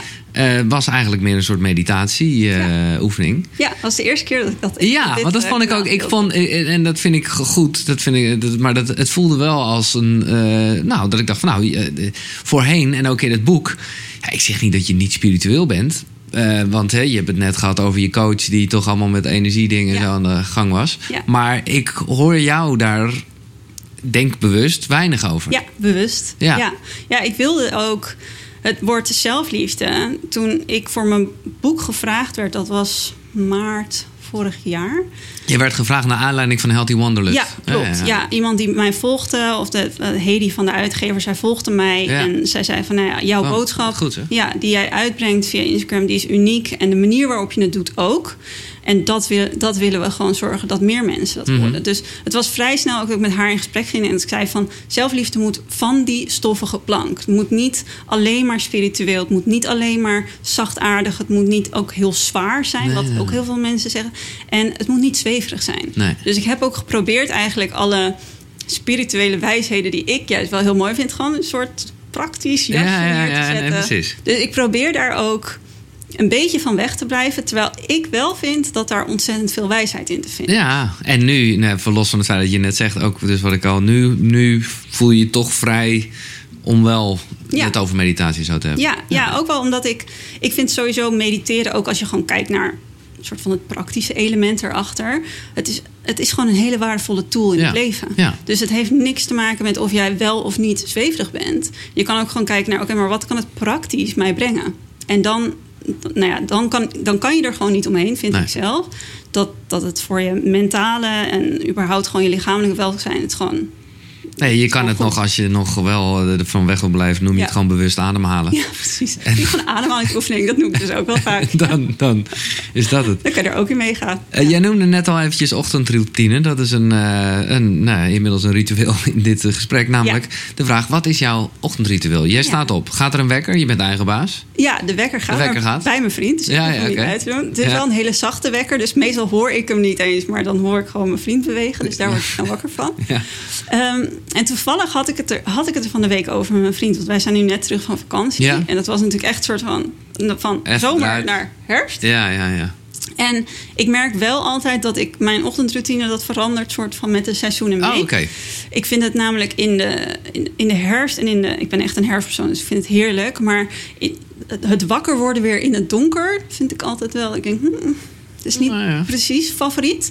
En daarom vind ik het altijd heel belangrijk. In de zomer merk ik altijd, denk ik, lekker ah, de deuren open en gewoon lekker eh, wat meer luide muziek en wat meer energie. En, dat is, en in de winter merk ik meteen van, oké, als ik ervoor zorg dat eigenlijk in die ochtend al dat knusse, gezellige, die sfeer overheerst, dan start ik veel lekkerder mijn Ja, dag. ja. Dus ik neem er ook echt de tijd voor om gewoon de kaartjes aan te doen. Een beetje, S ochtends? Ja, een beetje jazzmuziek aan, Ah, thee oké. zetten en, en dan ga ik mijn ding doen. En ik zorg er wel altijd voor, dat, maar dat is standaard, dat ik mijn voedingssupplementen inneem, goed ontbijt, dat soort dingen. dat vind ik wel echt belangrijk. Oké, je bent juist... Nee, want ik bedoel, de laatste tijd Ja. waren de gasten alleen maar van het eh, intermittent fasting. Oh, maar nee, jij... nee, nee, eh, nee. ik, dat is ook niet. Ja, ze zeggen je moet er gewoon aan wennen, maar ik. Nou ja, je, ik- je moet niks. Nee, nee. Oké, en toch even benieuwd, in- welke supplementen heb je het over? Nou, ik was nu toevallig weer aan het kijken. Ik heb sowieso gewoon natuurlijk altijd multivitamine en eh, vegetarische visolie, vitamine D3, dat soort dingen. Mhm. Ook omdat ik vegetariër ben, dus daar let ik altijd wel op. En nu was ik ook weer even aan het kijken. Nou, ik wilde mijn magnesium weer wat verhogen. Dus ik ben altijd wel. En mijn moeder die is voedingsdeskundige. dus die geeft ook altijd tips ja, ja, ja. Oké. Seizoenen van dit moet Oh, ik dus die heeft je ook wel geholpen met de recepten? Ja, ja, zeker. Ja, Ah, die heeft allemaal even ge- Ik heb dat ook, die liefde voor voeding, die heb ik ook absoluut Ja, van haar. oké. Dus ehm, daar ben ik heel dankbaar voor. Dus dat is eigenlijk wel altijd hetzelfde. Ja, Het is meer gewoon wat en wat voor ontbijt je dan? Ja, ik ben gewoon heel nieuwsgierig. havermout. Ja, precies. Gewoon en wel dat is volgens mij wel gewoon het hele jaar door een soort van hetzelfde. Ja. Dan ben ik niet heel creatief. En zijn er dan nog andere... Ik bedoel, heb jij zelf een vast meditatiemomentje? Is er nog een Ja. koude douche? Eh, Nee, nee, Nee, ook nee. niet. Nee, dat wil ik nog wel eens in de zomer doen. Maar nee, ik doe wel mediteren. En ik doe altijd, ehm, dat doe ik eigenlijk als ik ontbeten heb, vlak voordat ik ga werken.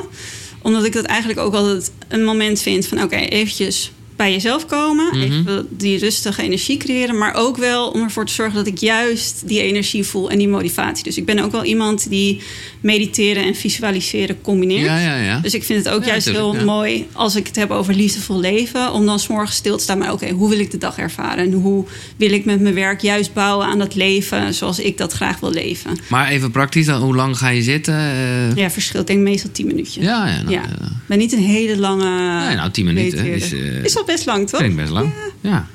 Nee, ja, en ik vroeg me ook af, want ik, eh, jij had het op een gegeven moment in je boek. Ik heb het niet gedaan, moet ik zeggen, maar ik vond het wel een leuke uitdaging. Van eh, schrijf een eh, liefdevolle mantra voor jezelf.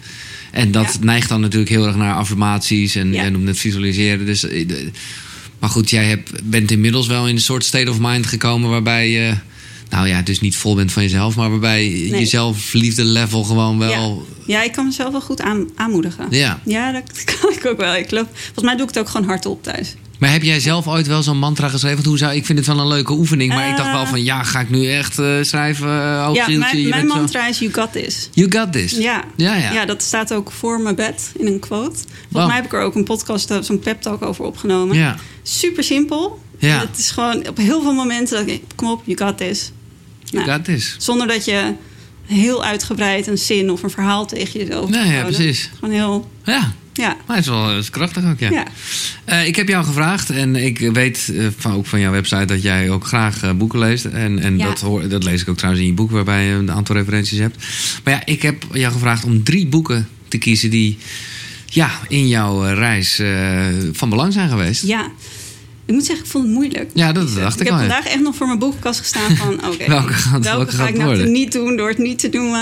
Ehm, ik denk de eerste, of nou, de eerste... Nee, het is gewoon- willekeurige volgorde. Ja, ja, zeker. Dat is toch wel The Secret. The Secret. Ja, de wereldbekende The Secret. Ja, Ja, dat is voor mij wel een boek dat soort van heel veel in gang heeft gezet. want dat, dat ging je ook lezen in eh, 2013 overspannen. Eh, nee, dat was in 2015. Oh, wel later. op- Ja, ja, toen had ik hem wel al een jaar in huis. Maar toen was ik op reis met mijn vriend naar Japan. En toen heb ik hem ook helemaal in mijn backpack meegesleept. En volgens mij de laatste dagen of zo dacht ik een keer... oké, nou, nu ga ik hem lezen. En toen heb ik hem volgens mij ook... binnen no time had ik hem uit. En bij elke bladzijde dat ik dacht, was ik... ja, ja, Ja. Dit, dit is het. En dit is hoe ik in het leven wil gaan staan. En inderdaad, zo zouden we allemaal moeten denken. Heel erg wet van aantrekkingskracht. hè? Ja, en, en het interessante, de, de mooie aanvulling trouwens op dat boek is wel eh, de bron van Tara Swart. Ik weet niet of je dat kent. ja, zeker, zij is natuurlijk neurowetenschapper en zij heeft echt gekeken van nou oké, hoe werkt Ik vind hem eigenlijk, beter. Of maar jij noemt het een aanvulling, dat is mooi gezegd. The Secret heeft natuurlijk iets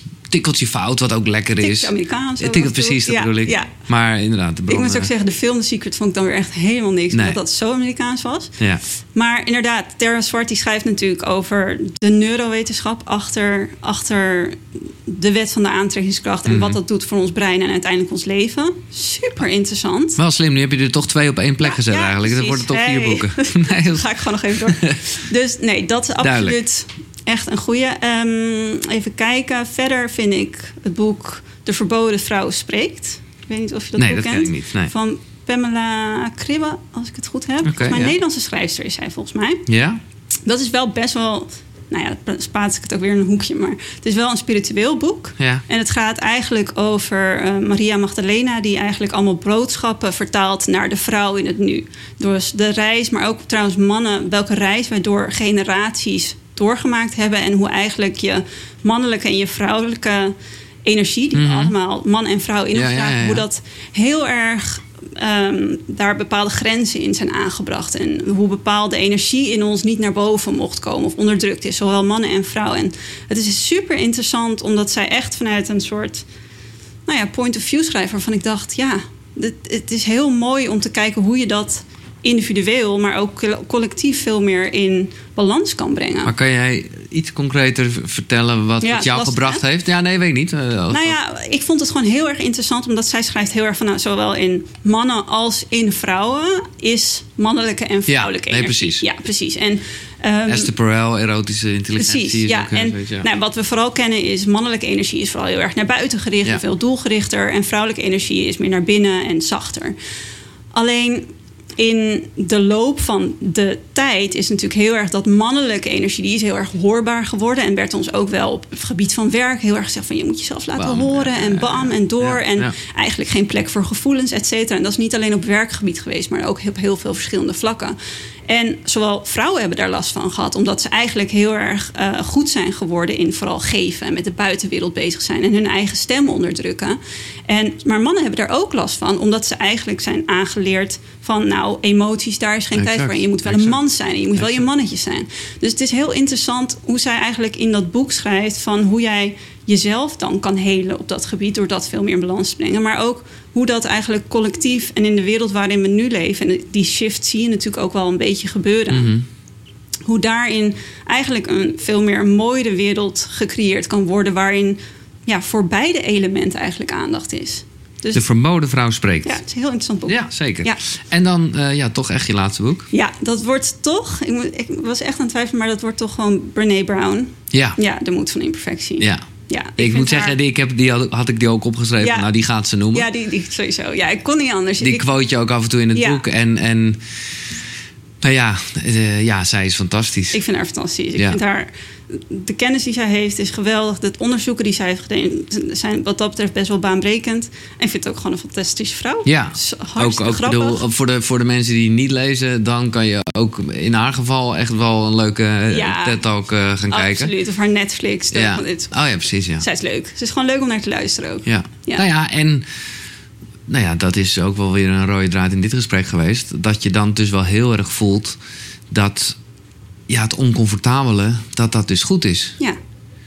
En dat is, nou ja, misschien is dat ook wel het antwoord op de vraag.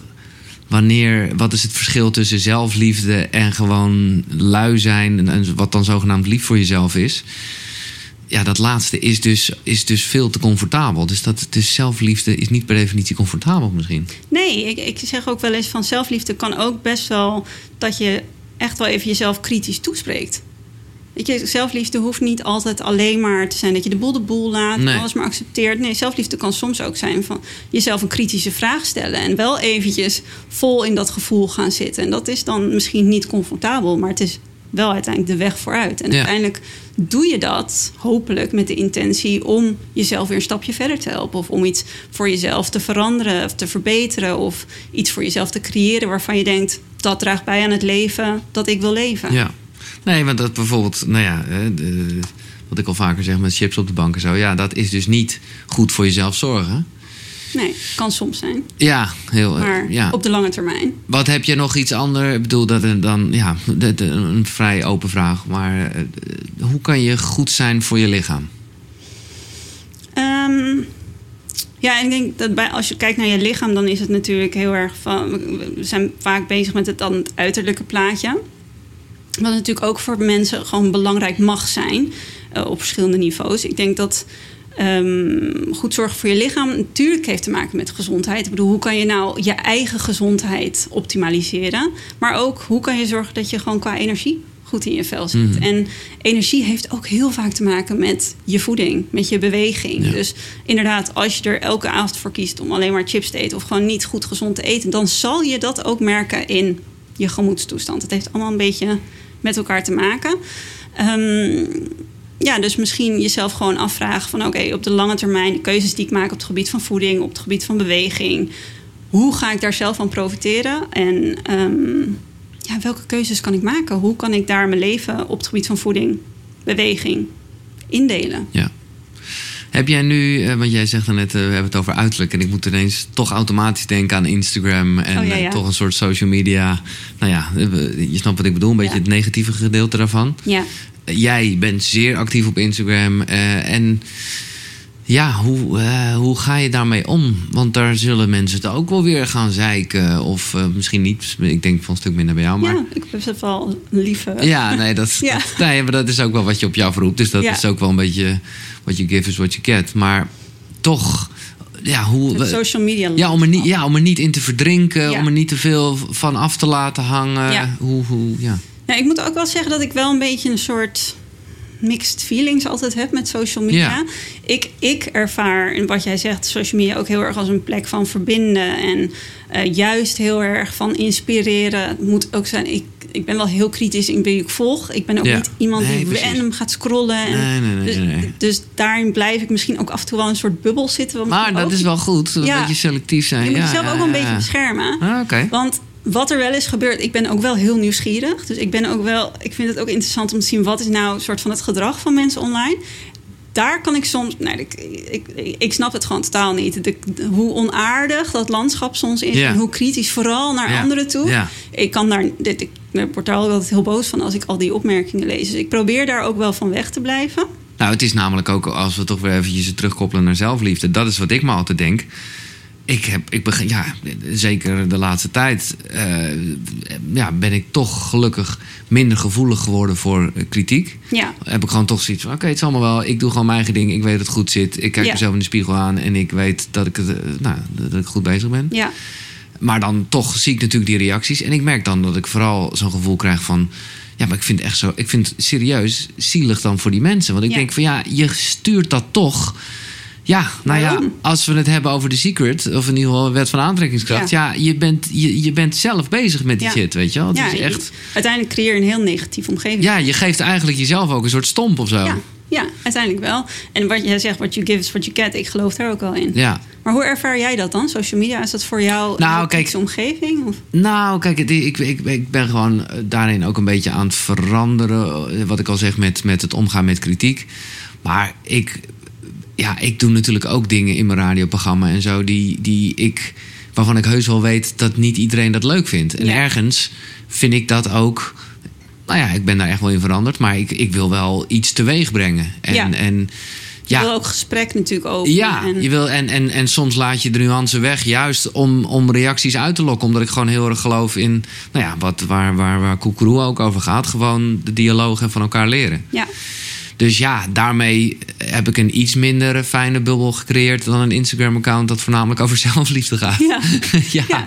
dus dat is gewoon anders. Eh, en ik vind met name wat ik jou hoor zeggen. eh, Want ik kan er wel heel erg in verdrinken. En, eh, maar dat is gewoon meer met een soort tijdsplanning. Ja. En dat vind ik soms lastig. Ik, jij hebt het ook over. Zet jezelf op de planning. ja. En dat. Ja, maar ook dat het moet weer zo zijn grenzen hebben. Of anders, nou ja, ik zeg niet. De, ja, snap Het is je? altijd een balans. Ja, Ja, het is altijd, je bent altijd aan het balanceren van wanneer is het uit balans, wanneer kan ik, moet ik weer eventjes wat meer aan mezelf denken. Dat is het. Maar Ja. want je kan ook denken van... oké, nu ga ik even niet werken. Of wat ben ik toch lief voor mezelf. Maar ja, als je vervolgens alleen maar zit te scrollen... Precies. en ja. haat shit... of Ja. gewoon, nou ja, gewoon het internet Dat eh, leeg aan het zuigen bent... natuurlijk. ja, dan had ik beter kunnen Ja. gaan werken eigenlijk. Want Ja. dan was, had ik meer energie. Nou, en dat is dan denk ik dus wel ergens vanuit zelfliefde kritisch naar jezelf toe zijn. Ja, Ja, jezelf wel dat soort grenzen geven van oké, leuk dat eindeloos gescroll en dat voelt misschien ontspannen, maar draagt het nou eigenlijk bij aan Ja. hoe ik mijn avond wil beleven of hoe ik me wil voelen? Of dus in die zin soms Mhm. een beetje kritisch voor jezelf zijn is ook niet erg. nee, nee, precies. Nou, Ja. dan ben ik blij. Want dan... eh, nee, dat, ik, heb daar, ik, ik ben daar echt mee bezig. Maar ik ben ook blij dat ik nog steeds kritisch ben voor mezelf. Maar ook, Ja, nou ja, die, die, die, die compassie heb. ja. Wat zijn jouw eh, zwakke plekken nog? Waar kan jij toch nog wel een beetje in verdrinken? Of eh, heb je nog steeds af en toe kort lontje? Of, eh, Nee, dat valt heel erg mee. Ja. Gelukkig heb ik ook een vriend die overal heel rustig Ja, blijft. Dus dan, nou ja, dan sla ik zelf ook niet zo op. Ehm, voor mij is werk een valkuil. Ja. Ja, heel erg. En ik moet zeggen, daar ben ik echt, echt heel erg mee bezig.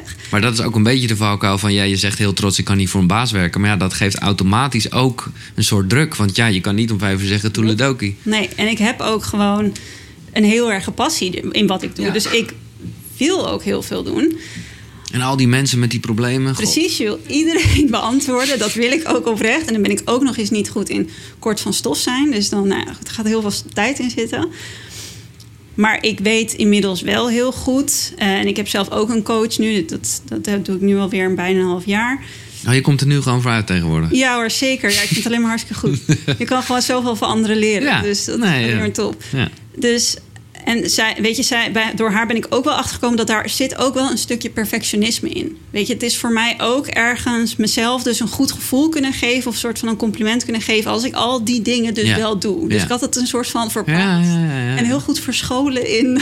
Ik doe wat ik leuk vind. Nee, wat ook zo is. Maar als je te veel doet van ook wat je leuk vindt, dan kan het ook moedjes worden, omdat je dan weer een ander element vergeet. Dus dat is een valkuil. Maar goed. En heb je, de, ben ik gewoon nu benieuwd, heb je nog contact met de eerste coach, zeg maar, die van zeven jaar geleden? Nee, Nee, nee, helaas niet meer. Nee, jammer, want die zal echt nog wel zien waar jij mee bezig Ja, bent. En dat, eh, en sowieso, zij is gewoon volgens mij ontzettend veel levens veranderd. Ja. Dus, maar ik weet dat zij op een gegeven moment is ook weer naar India gegaan. Oh, en dat dat soort dingen. Dus zij is volgens mij op een gegeven moment ook weer wat anders gaan doen. Maar ik had nog wel eens gedacht van misschien moet ik haar mijn boek sturen. Dus moet ik Ja, kijken ja. of ik eh erachter kan komen. En dan toch, eh, nou ja, een beetje aanhaken op wat je net zegt. Dat, nou ja, je doet wat je leuk vindt en zo. Wat, wat, wat zijn jouw ambities? Wat is toch, eh, ja... Ehm, voor nu is het voornamelijk, ik denk mijn coaching gewoon uitbreiden. Zoveel mogelijk mensen hiermee kunnen helpen. Het is ook wel echt een passie om zelfliefde gewoon op de kaart te zetten. En nou, daarom vind ik het ook gewoon tof dat jij daar aandacht aan besteedt. En dat mijn podcast zo goed beluisterd wordt. Ja. Want ik bedoel, ik, ik kijk heel vaak naar dat, dat cijfertje. En dan denk ik, nou, dit is maar een cijfertje. Maar dat is het niet. want dat betekent... 60.000 luisteraars. Ja, meer inmiddels. Ja. En dan denk ik, dat is geen cijfer. Nee. Dit is gewoon Ja. heel veel mensen die daar waarde aan hechten. En dat vind ik gewoon super tof om te zien. Dus dat is ook gewoon een missie om ervoor te zorgen dat zelfliefde als waardevol ehm, onderwerp op de kaart gezet wordt. En ik begin toevallig volgende week met hypnotherapieopleiding tot hypnotherapeut. Dus Wat is dat? eh, ja, dat, ik vind het nog steeds heel moeilijk om dat uit te leggen. Maar uiteindelijk voor mij is het doel... ehm, bij hypnotherapie wordt er eigenlijk technieken gebruikt... waarbij mensen ehm, op... Ja, je wordt niet onder hypnose Maar het is wel- gebracht, zoals we dat dit- kennen. Dat je een Nee, soort... Nee, ook niet. Dat je als een soort kip zonder kop over Nee, een podium nee. gaat rennen... zoals we dat kennen van films.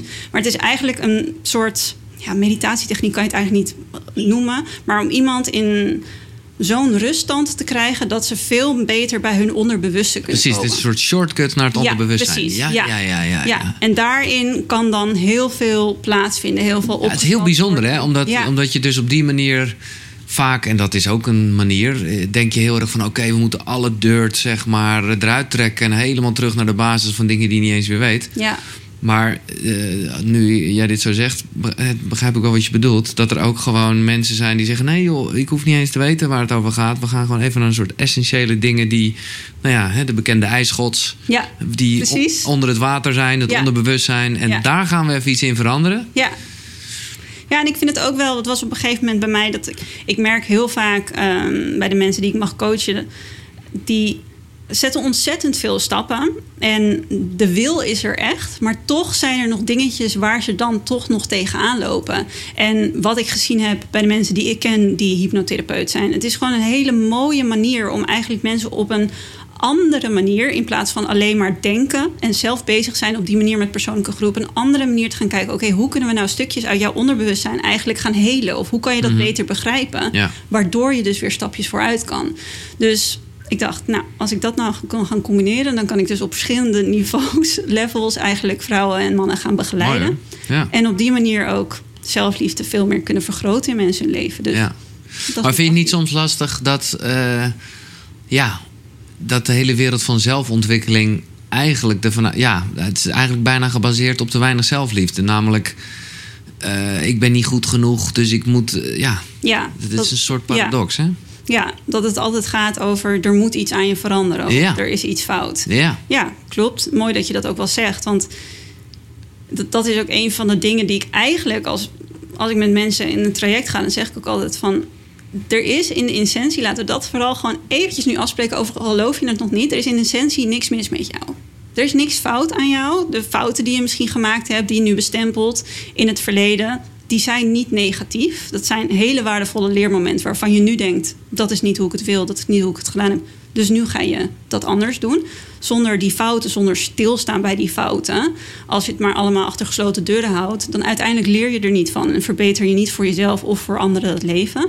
Dus ik geloof ook niet in als mens. Wat ik, wat ik heel vaak zeg, je bent een imperfect mens dat in de basis altijd goed genoeg is. ja.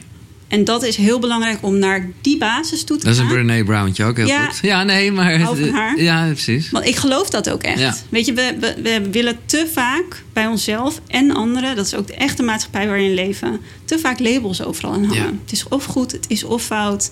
En er wordt te vaak gezegd, je moet veranderen. Maar we kunnen ook gewoon gaan bijsturen. We kunnen ook gaan kijken van, oké, maar waar wil jij meer van gaan ervaren? Ja, ja, ja. Hoe wil je je leven gaan verrijken? Ja, verrijken in plaats van veranderen. Ja, mooi. allemaal dat mooi, mooi, negatieve. mooi. Ja. Niet veranderen, maar verrijken. Ja. Dit, is, dit vind ik echt top. Oké, twee onderwerpen zijn nog niet besproken. Eentje is eigenlijk gek, maar ik zit te bedenken... volgens mij komt het ook echt niet in het boek voor. Terwijl het gaat over eh, liefde, zelfliefde. Ja. Maar seks komt er eigenlijk niet in voor, hè? Nee, want ik heb ook wel gekeken naar het boek. En toen was het op een gegeven moment... er, er kunnen zoveel onderwerpen Ja. in. En dat bespreek ik wel heel vaak met eh, de mensen die ik coach. En in, volgens mij hebben we het er gisteren nog gehad in het eh, live... dat we het hadden over hoe je nou... Zelfliefde in de relatie tot anderen is natuurlijk ook een super belangrijk onderwerp. En dat is trouwens het hele, dat boek dat ik net zei, De Verborgen Vrouw Spreekt. Mhm. dat, die gaat daar ook heel erg op. Wat super interessant is. Alleen in dat boek, het werd gewoon te veel. Het Ja. was op een gegeven moment dacht ik, oké, ik moet bepaalde onderwerpen eruit halen. Maar in mijn coaching hebben we het wel heel vaak over... wat is nou belangrijk in de relatie met anderen? Of de relatie met jezelf. Dus dat zijn inderdaad onderwerpen die er niet in voorkomen. Maar misschien in boek 2? Nou, ik, eh, dus dat gaat er komen? Ja, nou, Ja? ik hoop het wel. Ja, nou ja, het is- als het meer dan 4000 keer verkocht is... dan vindt Ja. de uitgever het sowieso een goed Dat plan, wel, denk hè? ik. Ja, ik, moet er, ik dacht dit jaar nog niet, maar misschien volgend jaar even een malletje op eh, gooien.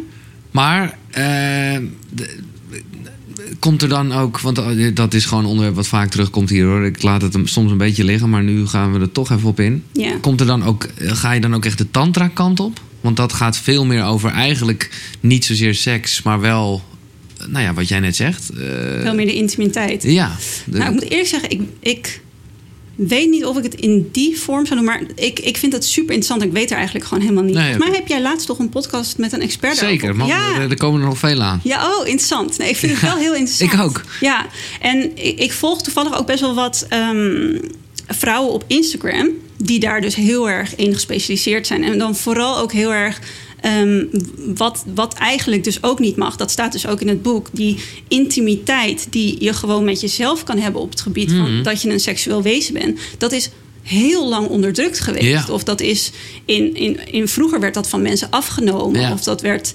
ehm, op gewelddadige manier werd daarop ingespeeld. Dus daar zit een hele soort van transformatie die we meegemaakt hebben. En je merkt dat nu opeens komt daar een soort van meer openheid over. En nu mag dat opeens. Ja. Nou, nu moet het bijna wel, want we mogen niet eens anderen meer aanraken. Dus je Nee, kan precies. Je wordt nu gedwongen gewoon. Ja. Dus ik vind het wel heel interessant. Want ik denk dat wanneer zowel mannen als vrouwen daar veel meer mee in verbinding komen. Maar nogmaals, ja, ik weet daar gewoon niet genoeg vanaf om daar überhaupt advies over te geven. Maar ik denk wel dat als je daarin veel meer openheid voor jezelf creëert en daarmee veel meer in contact kan zijn. Dat dat niet alleen voor jezelf veel meer vrijheid creëert, maar ook in de relatie tot anderen. Dus het is, het is heel interessant, want Ja. er hangt heel veel mee samen. Nou ja, een beetje hetzelfde als wat we over liefde zeiden. Dat als je nou ja, het met jezelf oké bent, dan kan je het met Ja, leven. Ja. ja. En het laatste onderwerp, nooit gezellig. Maar ik ben wel benieuwd, juist omdat je... Nou ja, je bent dus veel spiritueler dan je wil toegeven. Ja. Eh, hoe, hoe kijk je aan tegen de dood? Ehm, nou, ik ben niet iemand die zeg maar ehm, zozeer bang is voor de dood zelf. Moet ik eerlijk zeggen, daar, daar sta ik ook niet. Ik zou het wel heel jammer vinden, want ik zou het gewoon jammer vinden om dit niet meer mee te Ja. kunnen maken.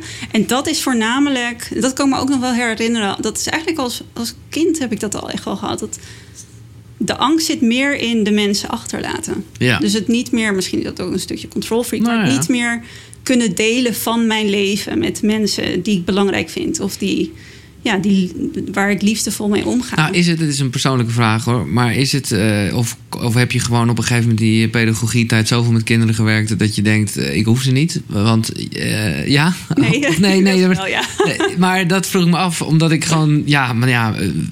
Ik zou bijna zeggen een pedagoog die geen moeder is. Ik weet niet of het Ja. gek is, maar jij, jij, jij bent dat niet. Nee, nog niet. Nog Hopelijk niet. in de toekomst. Nee, oké, dat is wel. nou. Ja, er is zeker een kinderwens. Nee, ik dacht misschien zit er ook die angst, want dan heb je nog meer Oh ja. Nou, qua goed. achterlaten. Nou, dan maak je wat los. Nee, oké, sorry. Nee, op zich, op zich niet. Want ik geloof ook wel heel erg. En natuurlijk hoop je niet als ouder om je kind achter te laten op jonge leeftijd. Maar ik geloof wel heel erg dat, dat, dat je kinderen op de wereld zet om uiteindelijk ze hopelijk. Zichzelf. Precies, alles. Een Ja, soort. Ik zag ik heb ooit een keer in een film volgens mij iemand die gaf advies van als ouder. ehm, is het niet zo dat jij maar moet blijven roeien, zodat het kind gedurende zijn leven boven water blijft, maar jij zorgt er met je opvoeding voor dat hun boot zo sterk is dat ze eigenlijk al golf aan kunnen. En ik vond het zo mooi dat ik dacht, nou ja, dat is wat je uiteindelijk wil, zodat je ze dan gewoon kan loslaten. Maar wat denk je dat er gebeurt met de dood? Wat is, eh, of denk je, ja, als je gewoon een beetje Nou, over mag fantaseren. ja, ik vind dat heel interessant. Want ik geloof wel dat er meer is. Maar hoe dat precies zit. Ik ben ook niet iemand die per se niet gelooft in reïncarnatie. Of, maar ik, ik, ik, ja, ik ga ervoor open, maar Ja. ik heb geen idee. Het zou best wel kunnen. Ik vind het, het heel interessant als mensen het hebben over hun past, life experiences en trauma's die ze juist uit vorige levens nu kunnen helen. Ik vind het super interessant als mensen Mhm. het erover hebben. Maar ik vind het zelf heel lastig Ja, om... Heb je het zelf ooit gedaan, zo'n soort regressie-experimentje? Nee. nee, jij? Nee. Nou ja, wel heel lang geleden trouwens. Toen was er zo'n tv-programma, toen heb ik het wel gedaan. Ja. Nou, er kwam toch eigenlijk... Ik, nou ja, ik raad het je eigenlijk wel aan. Zeker ja, omdat jij ook zo zat van... hé, hey, er is toch niks misgegaan met me in, die, in, in, in, in, in mijn Ja. jeugd. Dus dan denk je bijna, ja, hoezo heb ik een kort lontje Ja. en zo. Hè? Ja, waar komt Wat- dat dan vandaan? Wat er bij mij uitkwam was eigenlijk wel crazy. Was dat ik een soort Franse guy was. Die eh, in een kasteel was. Heel, eh, nou ja, een soort van uh, rijkeluiskindje. En daardoor heel weinig deed. En toen kreeg ik ja, iets in mijn keel. Waarschijnlijk nou, een of andere ziekte. En dat ik dus echt overleed met een gevoel van... Ja, ik heb er niet alles uitgehaald. En dat dat dan... Zo bedacht ik me dat niet. Maar dat was natuurlijk wel wat die regressietherapeut zei. Van nou ja, dat zou wel verklaren... Waarom waarom je je nu zo... ja, dacht ik, oh ja, oké. Ja, ik vind het wel heel interessant. Ja, Ja, ik, ik, ik zie ik ook wel mensen die eh, breathwork doen. Ja, En daarin ook al echt soort van heel diep gaan naar wat er vanuit vorige levens nog vastzit in hun ziel, om dat zo maar even te noemen. Ik vind het wel heel interessant. maar aan de andere kant kan je ook zeggen... ja, wat maakt het uit als je maar gewoon... eh, ja, gelukkig bent met jezelf. Ja. Nu. ja, ik weet voor heel veel mensen die dat gaan doen, is dat omdat het uiteindelijk een soort van ja, een stukje onbegrippen blijft van waar, waar komt dat dan nou vandaan? En dat ze daarin antwoorden vinden. Dus dat is alleen maar heel erg mooi. Ja. Maar wat er is na de dood, ja, Nou ja. geen idee. Nee, dat hebben we allemaal niet. Nee. Ik vond het een heerlijke self-love talk. Mag ik een applaus voor Merel Tuinis? Dankjewel. Dankjewel. Echt, eh, het is toch echt een onderwerp waar ik uren over kan lullen. Wel hè? Ja, Ik ook hoor. Dus we zouden zo nog eh, Ja, heel lang kunnen blijven zitten. nou ja, blijf ook nog even zitten. Want dit is het moment dat... eh, Hebben jullie best gedaan? ja, er, zitten hier 100.000 man. En we gaan een selectie van die 100.000 man... Ik vind Ga- jullie wel heel dapper. Ja, vind ik ook. Ja, oprecht hoor. Ja. Want, gewoon dat ze hier zijn al, bedoel je? Ja, toch Ja. heel veel mensen die zeiden van nou, ik durf het gewoon niet aan. Nee. Ja. Hoe, eh, ik, ik vermijd eh, tegenwoordig een beetje het onderwerp. Ja, het, het, Maar- zo, zo'n... eh, Hoe, hoe sta je erin? ja, ik moet eens, dat wisselt ook heel erg. Ja, maar dat- ook wel weer een beetje...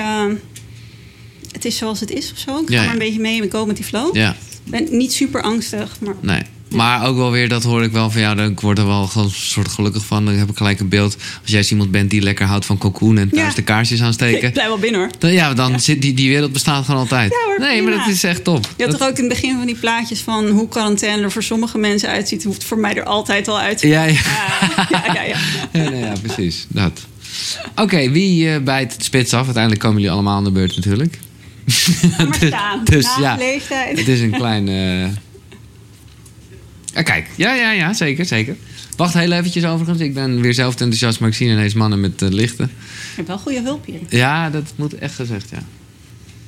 Ik, eh, ja, als je iets dichter bij de microfoon eh, wil staan. Ja, nou ja, het gaat sowieso een beetje voelen dat je Het is denkt... gewoon alweer alsof je een spreekbeurt op school Ja, maar dan, maar dan nog erger eigenlijk. word ik, ja, dat Nee, sorry. Eh, de vraag is of je jezelf even wil voorstellen. En dan de vraag, ik wacht heel eventjes op eh, op een klein tekentje. Ja, stel jezelf even voor en dan de vraag. Ik ben eh, Leontien Hey. en eh, ik ben even heel benieuwd. Als ik bezig ben met zelfontwikkeling, ga ik vaak heel veel lezen. Ja. Ik ook natuurlijk heel veel in mijn hoofd zeg, om het allemaal te snappen. En jij vertelde in het begin iets over eh, dat je met eh, je eerste coach ook bezig bent geweest met, eh, met energiebanen Ja, en blokkades eh, in je lichaam. Oh, hij moet even opnieuw. Eh, v- sorry, hou dit vast. Ja? Of niet? Oh, de mic. Dus, eh, ik hoor hem ook al niet, maar ik denk nou... je kan ook niet vragen of je dichterbij komt staan. Dat mag, dat mag gewoon niet. Nee, dat mag, dat mag allemaal niet. Eh, ja, blijf Ik wel... heb geen verstand van. Nee, maar het is in ieder geval... Wat heb je vandaag gegeten? Mag, mag ik dat even weten? En brood, het moet allemaal heel snel. om Oh, die op tijd waar? te Waar kom je zijn. vandaan dan? Eh, ja, houten. Houten. Ja, hij doet het. Hij doet Hij het, doet hè? het. Ja, dat is overduidelijk. Tenminste, en ook eh, bij de opname doet hij het. Nou, dat is top. Eh, dan, stel jezelf even voor en dan de vraag. Ja, ik ben Leontien. En ehm, als ik bezig ben met zelfontwikkeling, dan ben ik altijd geneigd om dingen heel goed te willen begrijpen. Dus dingen te lezen en op te schrijven. En ja, dan vallen de kwartjes wel. Maar ik ben ook nog wel op zoek naar van wat zit er nog in mijn lichaam eventueel vast. En jij vertelde daar iets over, over je eerste coach. Over ja, blokkades in je lichaam Ja. en energiestromen. Dat je daar eh, mee bezig bent geweest. En ik ben heel benieuwd wat jou dat gebracht heeft. Interessant, ja, want dat is inderdaad weer eventjes graven. Maar toevallig ben ik daar, heb je hem? Eh, laatst weer mee bezig geweest. Want ik, zij deed heel veel aan soort van energetische meditaties. Dus dan was ze heel erg bezig van, oké, we gaan gewoon ademen. En op die manier meditatie. Dus dat is eigenlijk wat je ook wel gewend bent van meditatie. Heel erg richten op je ademhaling. En wat zij heel erg wilde, was dat ik voornamelijk ook ging voelen wat nou die energie was in mijn lichaam. En ze ging ook heel erg kijken van oké, als jij nu ademt, kan je dan tot dit punt ademen. En wat bij mij bijvoorbeeld echt een blokkade was, daar kwam ik toen achter, dat ik voornamelijk heel veel soort van stress en spanning op mijn buik zette. Had ik helemaal niet door. Uiteindelijk wel, want het, het, verhelderde ook heel veel buikklachten die ik had. Maar toen zei ze van al jouw kracht en al jouw stress, dat zit vast in jouw buik. En op een gegeven moment ging ik daar dus ook op letten. En dacht ik ook, oh, als ik boos ben of ik ben verdrietig, dan zet ik dus ook letterlijk alles op slot. En ik leerde door haar dat heel veel vrouwen dat hebben. Dat gaat bij hun bekken zitten en ehm, gaat in hun buik zitten. En op die manier houden we eigenlijk dus dat, die spanning ook heel erg in ons lijf. Waardoor we ook heel vaak dat gevoel hebben van onrust of van drukte of van spanning. En zij heeft mij eigenlijk heel erg geleerd dat door naarmate van Eh, dus veel meer in contact gaan staan met de energie die in je lijf zit, maar ook de energie die je eigenlijk wil creëren. Dat je met je ademhaling die rust, maar ook letterlijk de rust in je lijf kan gaan creëren. Dus ik ben me toen ook heel erg gaan verdiepen zelf in energetische meditatie. Ik kan het niet geven of zo. Ik ben geen opleiding gestart, maar wel heel erg hoe ik dat nou elke keer voor mezelf kon gaan creëren. Dus op momenten waarop ik merkte van oké, ik, ik ervaar nu ook heel veel stress en drukte in mijn lijf. Dan was het nog wel dat ik soms dacht, oké, maar mijn hoofd is nu toch rustig. Maar dan zat er dus eigenlijk nog best wel veel geblokkeerd in mijn lichaam. Dus het was voor, voor mij, en dat doe ik nog steeds heel erg, dat ik probeer ik weet niet hoe zij dat vroeger uitlegt, maar volgens mij komt dat heel erg vanuit de Chinese geneeskunde. De, de chi en de yin-yang en zo. Ze zei van als jij vanuit soort van het puntje van je neus die nieuwe energie kan inademen, zorg dan dat het bij je tenen of bij je vingers eruit gaat. Dus ze zei: visualiseer je maar voor dat die ademhaling gewoon door je hele lijf gaat. En dat je dus letterlijk die nieuwe eh, energie die jij wil voelen, of dat nou energiek is of rustgevend of troostende energie, dat vult je lichaam. En zorg dan ook dat je het voelt loslaten door je lijf. Dus voor mij was dat toen al iets wat ontzettend veel soort van blokkades um, verhielp. Maar dat doe ik dus nog steeds soms. Want even voor mijn idee, wat die vrouw deed, dat was ook gewoon letterlijk. Nou ja, het zal geen fijne massage zijn geweest, maar gewoon echt. Uh... Nou, dat, dat was het dus niet. Ik, ik, dat is het, ik kan dus nog steeds. ik wil nu weer teruggaan naar dat moment, zodat ik aan haar kan vragen wat ze precies deed. Ja. Zij kon bepaalde punten in je lijf vasthouden. Ja. En dan hield ze dat vast. Nou, dat leek net alsof ze. Een soort healing. Uh... Keihard kneep. Maar dat was echt niet. Dat nee, hield nee, het zo vast. Maar dan zei ze: Oh, op dat punt zit dit vast. Op dat punt zit En hoe noem je zo iemand? Ik vind dit fucking interessant. Ja, dat weet ik dus niet. Oké, nou, we komen hierop terug. Als ze het wel weten, dan zet ik het in. Ja, precies. Dan zet ik het in de beschrijving erbij. Ik denk dat zij. Iets met energetisch. Ja, uh... is gewoon een, een healer. Zoals een healer nu zou kennen, zo is zij. En zij wist gewoon waar bepaalde pijn in je lichaam zat opgeslagen. Haar, haar kennis was ook van jouw, je lichaam daar zit zoveel wijsheid in. En als je dat contact maakt daarmee, dan kan je zoveel over jezelf leren en ook ja. jezelf kan helpen. Nou, en dat, dat leefde zij en dat kon zij, daar kon zij je dus ook bij helpen. En als iemand zit te luisteren, giel.koekeroe.nl, dus kukeroe.nl. Oh ja, ja. En dan stuur ik het je naar door. Dankjewel. Dank je. Dank je. Goeie vraag. Volgende. Uh, de volgende. Voor mijn gevoel staat hij wel hard over de speakers, Frank. Maar misschien uh, valt het mee, maar... Uh... Wacht heel even hoor. Maar ik ben dan ook blij dat je er staat. Ik ook. Ja. Dapper. Ja, vind ik ook, hè.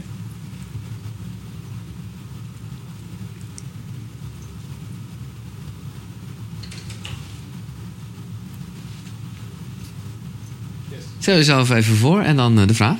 Ik ben uh, Judith en ik zou graag uh, iets willen vragen over het vele geven. Wat je doet, dat, dat herken ik zelf. Ja. Uh, met twee kinderen thuis. En ah. ja, dat je heel veel aan het geven bent en daarin dan jezelf vergeet. Mm. Ik ben daar ook mee aan het werk hoe je dan toch beter voor jezelf kan zorgen. Maar eigenlijk zou ik willen vragen aan jou. Um, op het moment dat je wel goed voor jezelf zorgt. Dus dat je bewust kiest van, nou, deze dag is even voor mij. Of deze dag doe ik dingen die ik leuk vind. Of waar ik energie van krijg. Dan voel ik me soms ook wel schuldig. Hmm. Heb jij een tip hoe ja, jij een beetje van het schuldgevoel af kan komen? Want dan denk ik toch, oh, nu maar tijd om naar huis te gaan. Of, uh, nu weer tijd voor eh, andere dingen. Ja, precies. Ja. Ik denk dat wat jij benoemt, ik, ik, ik krijg dat van zoveel mensen mee die ik coach, die zeggen die schuldgevoelens, daar word ik gek van. Want die zorgen er eigenlijk steeds opnieuw voor dat ik weer ga geven. Ja, precies. Want, en het grappige is dat wanneer je dat gaat herleiden naar wat wij net al zeiden, die communicatie met jezelf, dan is dat heel vaak dat negatieve stemmetje waarvan je mm. eigenlijk bepaalde geloofsovertuigingen misschien hebt van geven aan een ander is belangrijker. En als ik maar genoeg geef, dan krijg ik ook liefde terug. En heel veel mensen, daar hadden wij het in het begin al over, die zeggen: als je te veel gaat geven opeens of meer aan jezelf gaat geven, dan zijn we bang dat misschien de ander dat kwalijk neemt of ons minder leuk vindt daarvoor. De beste tip die ik altijd geef aan mensen, en dat is eigenlijk meer een soort van nou ja, inzicht of advies, is wat je vooral kan doen wanneer je die stem hoort. En ga ook maar achterhalen wat er achter die schuldgevoelens zit. Want wat, wat zeg jij eigenlijk tegen jezelf waardoor je dat schuldgevoel ervaart? Welke geloofsovertuigingen zitten er die jou misschien tegenhouden in eigenlijk doen wat goed voor jou is? En wat daar denk ik het allerbelangrijkste is, waar we het net ook al over hadden, is gewoon keer op keer jezelf er ook aan herinneren dat wanneer jij het beste in je vel zit, doet wat echt goed voor jou is, alleen dan kan je eigenlijk optimaal geven aan een ander. En ik denk wat ook heel belangrijk daarin is, is dat je dan ook veel meer kan genieten van wat je hebt te geven. In plaats van dat we het doen uit een gevoel van dit moet of het denken in tekorten. En dus dat is denk ik um, daarin heel erg proberen van... oké, wat zijn die geloofsovertuigingen die ik eigenlijk heb... en hoe kan ik die gaan ombuigen naar... nou ja, hoe kan ik mijn leven eigenlijk verrijken? Dus het is niet dat als jij jezelf uh, meer geeft... dat er minder wordt van iets anders. Maar het is meer van hoe kan jij jezelf meer geven... zodat er eigenlijk alleen maar meer is, ook voor anderen. Of zodat jij er ook meer van kan genieten ik hoop dat dat je vraag een beetje beantwoordt. Ja. Dus als je jezelf op de planning zet, dan ben je een hele goede moeder. Ja, ja. precies. Ja. En ik weet dat wel. Ja. Het voelt soms. Nee, dat begrijp ik hoor. Ja. Nee, maar dat is heel menselijk. Dat, dat ervaren echt heel veel mensen zo. En dat, maar met name dat schaarste verhaal wat jij zegt, Merel, ik denk dat dat het want, want zoals jij het net schetst, ben je, heb, je, heb je dan wel tijd voor jezelf gemaakt van ik ga naar die verjaardag van die vriendin, maar je bent er nog niet of je denkt al oh, mijn kinderen. Retour. Ja. precies. En dat is dus toch wel denken in schaarste. Ja. In plaats van uh, hoe beter ik me voel, uh, des te beter ben ik als moeder. Ja. Beetje wet van de aantrekkingskracht, hè? Maar dan, ja, uh, ja, maar dan andersom. Ja. Die stem in mezelf waar je over vertelt, die communicatie met jezelf, dat vind ik wel heel interessant. Want ik heb best veel gedaan al, maar dat is eigenlijk wel nieuw. Die gaf je net als, als eerste tip. Van luister nou eens naar wat je eigenlijk tegen jezelf zegt. Ja. Dus dat is denk ik ook uh, een ja. Ik ga vanavond ook een goed gesprek met mezelf hebben. Hoor. Ik, nou ja, een tip is ook gewoon gaat maar... Als je merkt bijvoorbeeld bij jezelf um, nou, dit komt vaker terug, dan is een tip ook gewoon: oké, ga maar dan eens een soort van een dialoog met jezelf aan. Want wat, wat is het dan op dat moment wat je tegen jezelf zegt? En ik geef ook wel eens als tip: ga maar gewoon eens opschrijven. Zodat je dus letterlijk kan gaan erkennen en vervolgens gaan kijken van: oké, maar in, in hoeverre draagt dat eigenlijk bij aan wat ik nodig heb? Of hoe ik wil dat het leven eruit gaat zien? Hoe ik wil dat relaties zijn? En hoe kan ik dat gaan ombuigen naar communicatie die juist mij stimuleert om zo in het leven te staan of bepaalde keuzes te maken? Dankjewel. Alsjeblieft. Ja, ja bedankt, voor je vraag. De volgende. Ik zie niet zo goed. Frank, heb je een vraag? nee. Kom op, mannen. Nee, dat is klaar. Uh, ja? Ja. Wacht heel eventjes. Yes. Je staat mooi in het licht zo. Ja? Ja. ja. Zo.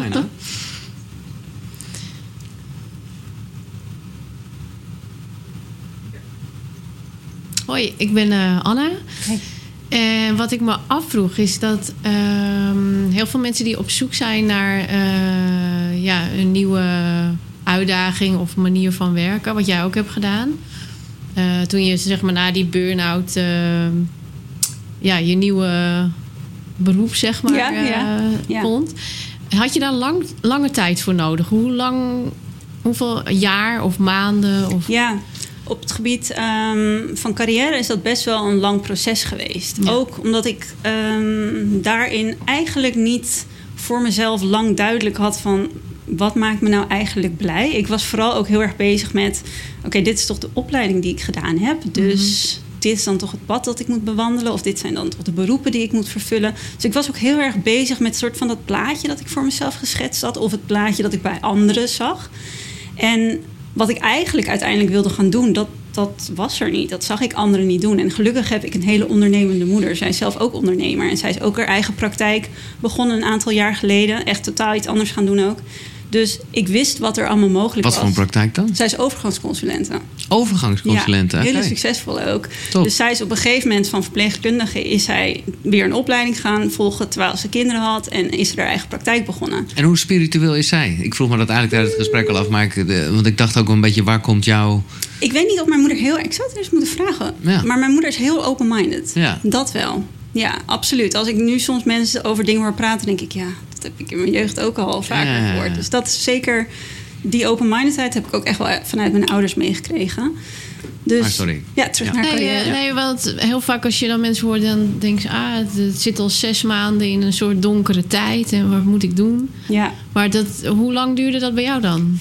Ik denk dat dat toch wel uiteindelijk een paar jaar heeft geduurd. Een paar jaar zelfs? Ja, maar dat is wel allemaal in stappen gegaan. Want ik ben op een gegeven moment ook heel bewust soort van uit die kinderwereld gestapt. Waarvan ik dus bedacht had van dat hoort het te zijn. Want je hebt Pedagogie eh, gestudeerd. pedagogie gestudeerd. Ja. En de Ja. meeste mensen gaan met kinderen werken. En je hebt daar ervaring mee. Maar ik merkte heel snel al bij mezelf op een gegeven moment van... maar het is niet wat ik wil. Ik word er niet gelukkig van. Maar dan heeft het even wat lef nodig om dan te zeggen... oké, dus alles waar je nu je ervaring in opgedaan hebt... daar stap je dus nu eigenlijk vanaf. En dat is eigenlijk ook best wel een kromme manier van denken. Want ik kan nu nog steeds opeens denken van... oh, wat ik toen en toen geleerd heb... dat is dus helemaal niet weggegooide werkervaring. Dat neem ik nu juist weer mee. Of het Ja. leert je juist dat je heel graag wat anders wil doen. Je moet wel eerst dat meemaken om een ander pad te kunnen bewandelen. Dus ik zeg altijd, ik denk dat het belangrijkste is. En ik, ik had gewild dat ik mezelf dat ook wat vaker had toegesproken in die periode. Is zorg gewoon dat je in beweging bent als je zoekende bent. Ga gewoon proberen. Ga eh, achterhalen wat je wel of niet wil. Maak ook fouten of doe dingen waarvan je denkt: oh, dat had ik echt niet moeten doen. Want daardoor kom je elke keer wel weer een stapje dichterbij wat je uiteindelijk wel wil gaan doen. Ja. En in stilstand blijven, waar ik mezelf ook een tijd in gehouden heb, dat brengt je uiteindelijk helemaal niet verder. En dat deed ik maar uit angst van, oeh, als ik alles dan nu loslaat, dan raak ik alles kwijt. Maar dat is helemaal niet zo, want elk stapje dat je zet brengt je uiteindelijk verder Verder, ja. naar wat je wil. Maar tegelijkertijd ook een soort rust van, maar neem ook de tijd en Ja. eh, blijf maar even in het zwart. eh. Ja, blijf Ja. maar even onderzoeken wat je nou eigenlijk wil. Ja. Soms is dat denk ik ook gewoon een proces. Ja, oké, nou dankjewel. Denk je wel? Ja. Nog een andere vraag? Nee, nou dan eh, zeg ik alleen. Ja, oh wel. Oh ja, nee, dat was een schijnbeweging. Doe het gewoon. Nee, eh, wacht heel even, wacht heel even, want ik snap dat je nu gelijk wil en er heel snel vanaf wil zijn, maar zo werkt het even niet. Eh, Maar Ja. nee, eh, respect. Dat sowieso. Absoluut, absoluut. Stel jezelf even voor en dan Nou, eh, de vraag. Ik ben Nikki. Ehm, ik had de hele tijd vragen en die werden dan door jou gesteld. Hey. Ah, dus je bent een hele goede Ja. interviewer. Eh, lekker. En dus meer Bedankt. vragen gaat weer weg. maar wat ik me wel nog afvroeg, jij gaat die opleiding hypnotherapie doen. Ja. Dat vind ik heel interessant. Wat heeft het jou zelf gebracht? Want ik neem aan dat je daar zelf ervaring mee hebt gehad, waardoor je nu denkt: hé, hey, maar dat wil ik integreren in mijn werk. Ja. Wat is wat het voor jou heeft Nou, het grappige is, leuk dat je het vraagt. Ik heb het zelf niet gedaan. Ik ben zelf nooit onder hypnotherapie geweest. Ik ken wel mensen die het gedaan hebben en daar heel veel aan gehad hebben. En ik ben mij gewoon ontzettend gaan verdiepen in het onderbewustzijn. En ik vind dat zijn ook technieken die ik gebruik in mijn coaching. Om te kijken van nou, hoe kunnen we nou kijken wat er op onderbewust niveau ehm, aan overtuigingen, patronen liggen, denkwijze ligt, die mensen heel erg belemmert in hoe zij zich eigenlijk willen voelen of hoe ze in het leven willen staan. En op een gegeven moment, dat ik net al zei, ervaarde ik dat ik dacht, er moet meer zijn dan alleen praten of op die manier zeg maar bij jezelf ehm, groei teweeg brengen of dingen voor jezelf helen. En toen dacht ik, hmm, dat hypnotherapie, dat vind ik eigenlijk heel interessant. En ehm toevallig heb ik dat voor het eerst via mijn moeder ook weer gehoord. Nou, ze is een soort ster in deze Ja, heel goed. podcast. En toen op een gegeven moment, dat was, het, het zit al een jaar in mijn hoofd. En toevallig mijn coach, mijn huidige coach die ik nu heb, die is ook hypnotherapeut. En dus via haar hoorde ik er ook weer over. En toen dacht ik, nou, dit moet gewoon. Het komt nu zo vaak op mijn pad. En het heeft zoveel raakvlakken met waar ik echt heilig in geloof. Waar je jezelf, maar ook anderen weer verder mee kan helpen op een ander niveau. Toen dacht ik, dit moet gewoon de volgende stap zijn. Dus ja, interessant? ja, ik ben, heel, ik ben ook heel benieuwd. Ja, hoe ik dat ga ervaren. Ja, dus, ja, Nou, mooi. ja, Ik, Goeie eh, vraag. Ik ben blij dat je nog bent Leuk. opgedaan. Ja. dankjewel. Ik heb hier een ontzettend eh afgeracht exemplaar. Ja, want dat is mijn eigen boek. En eh, dat neem ik dan overal mee naartoe. En deze nee, is ook echt een beetje stuk gegaan. Maar, Ik vind het prachtig. Ja, Ja, het, is, het, is, het is een soort compliment voor het boek. Ja. En, en een nieuw exemplaar, dat ga ik weggeven via de site koekeroe.nl slash win. En als je dit heel laat luistert, dan is er vast wel iets anders te winnen. Want er is altijd wat te winnen. Ja, in het leven sowieso. Uh, koekeroe.nl slash win. Mag ik nog één keer een applaus voor Merel Teunis van Self-Love Talk en Healthy Wanderlust. Eh, dit was Koekeroe. Tot de volgende. Dankjewel.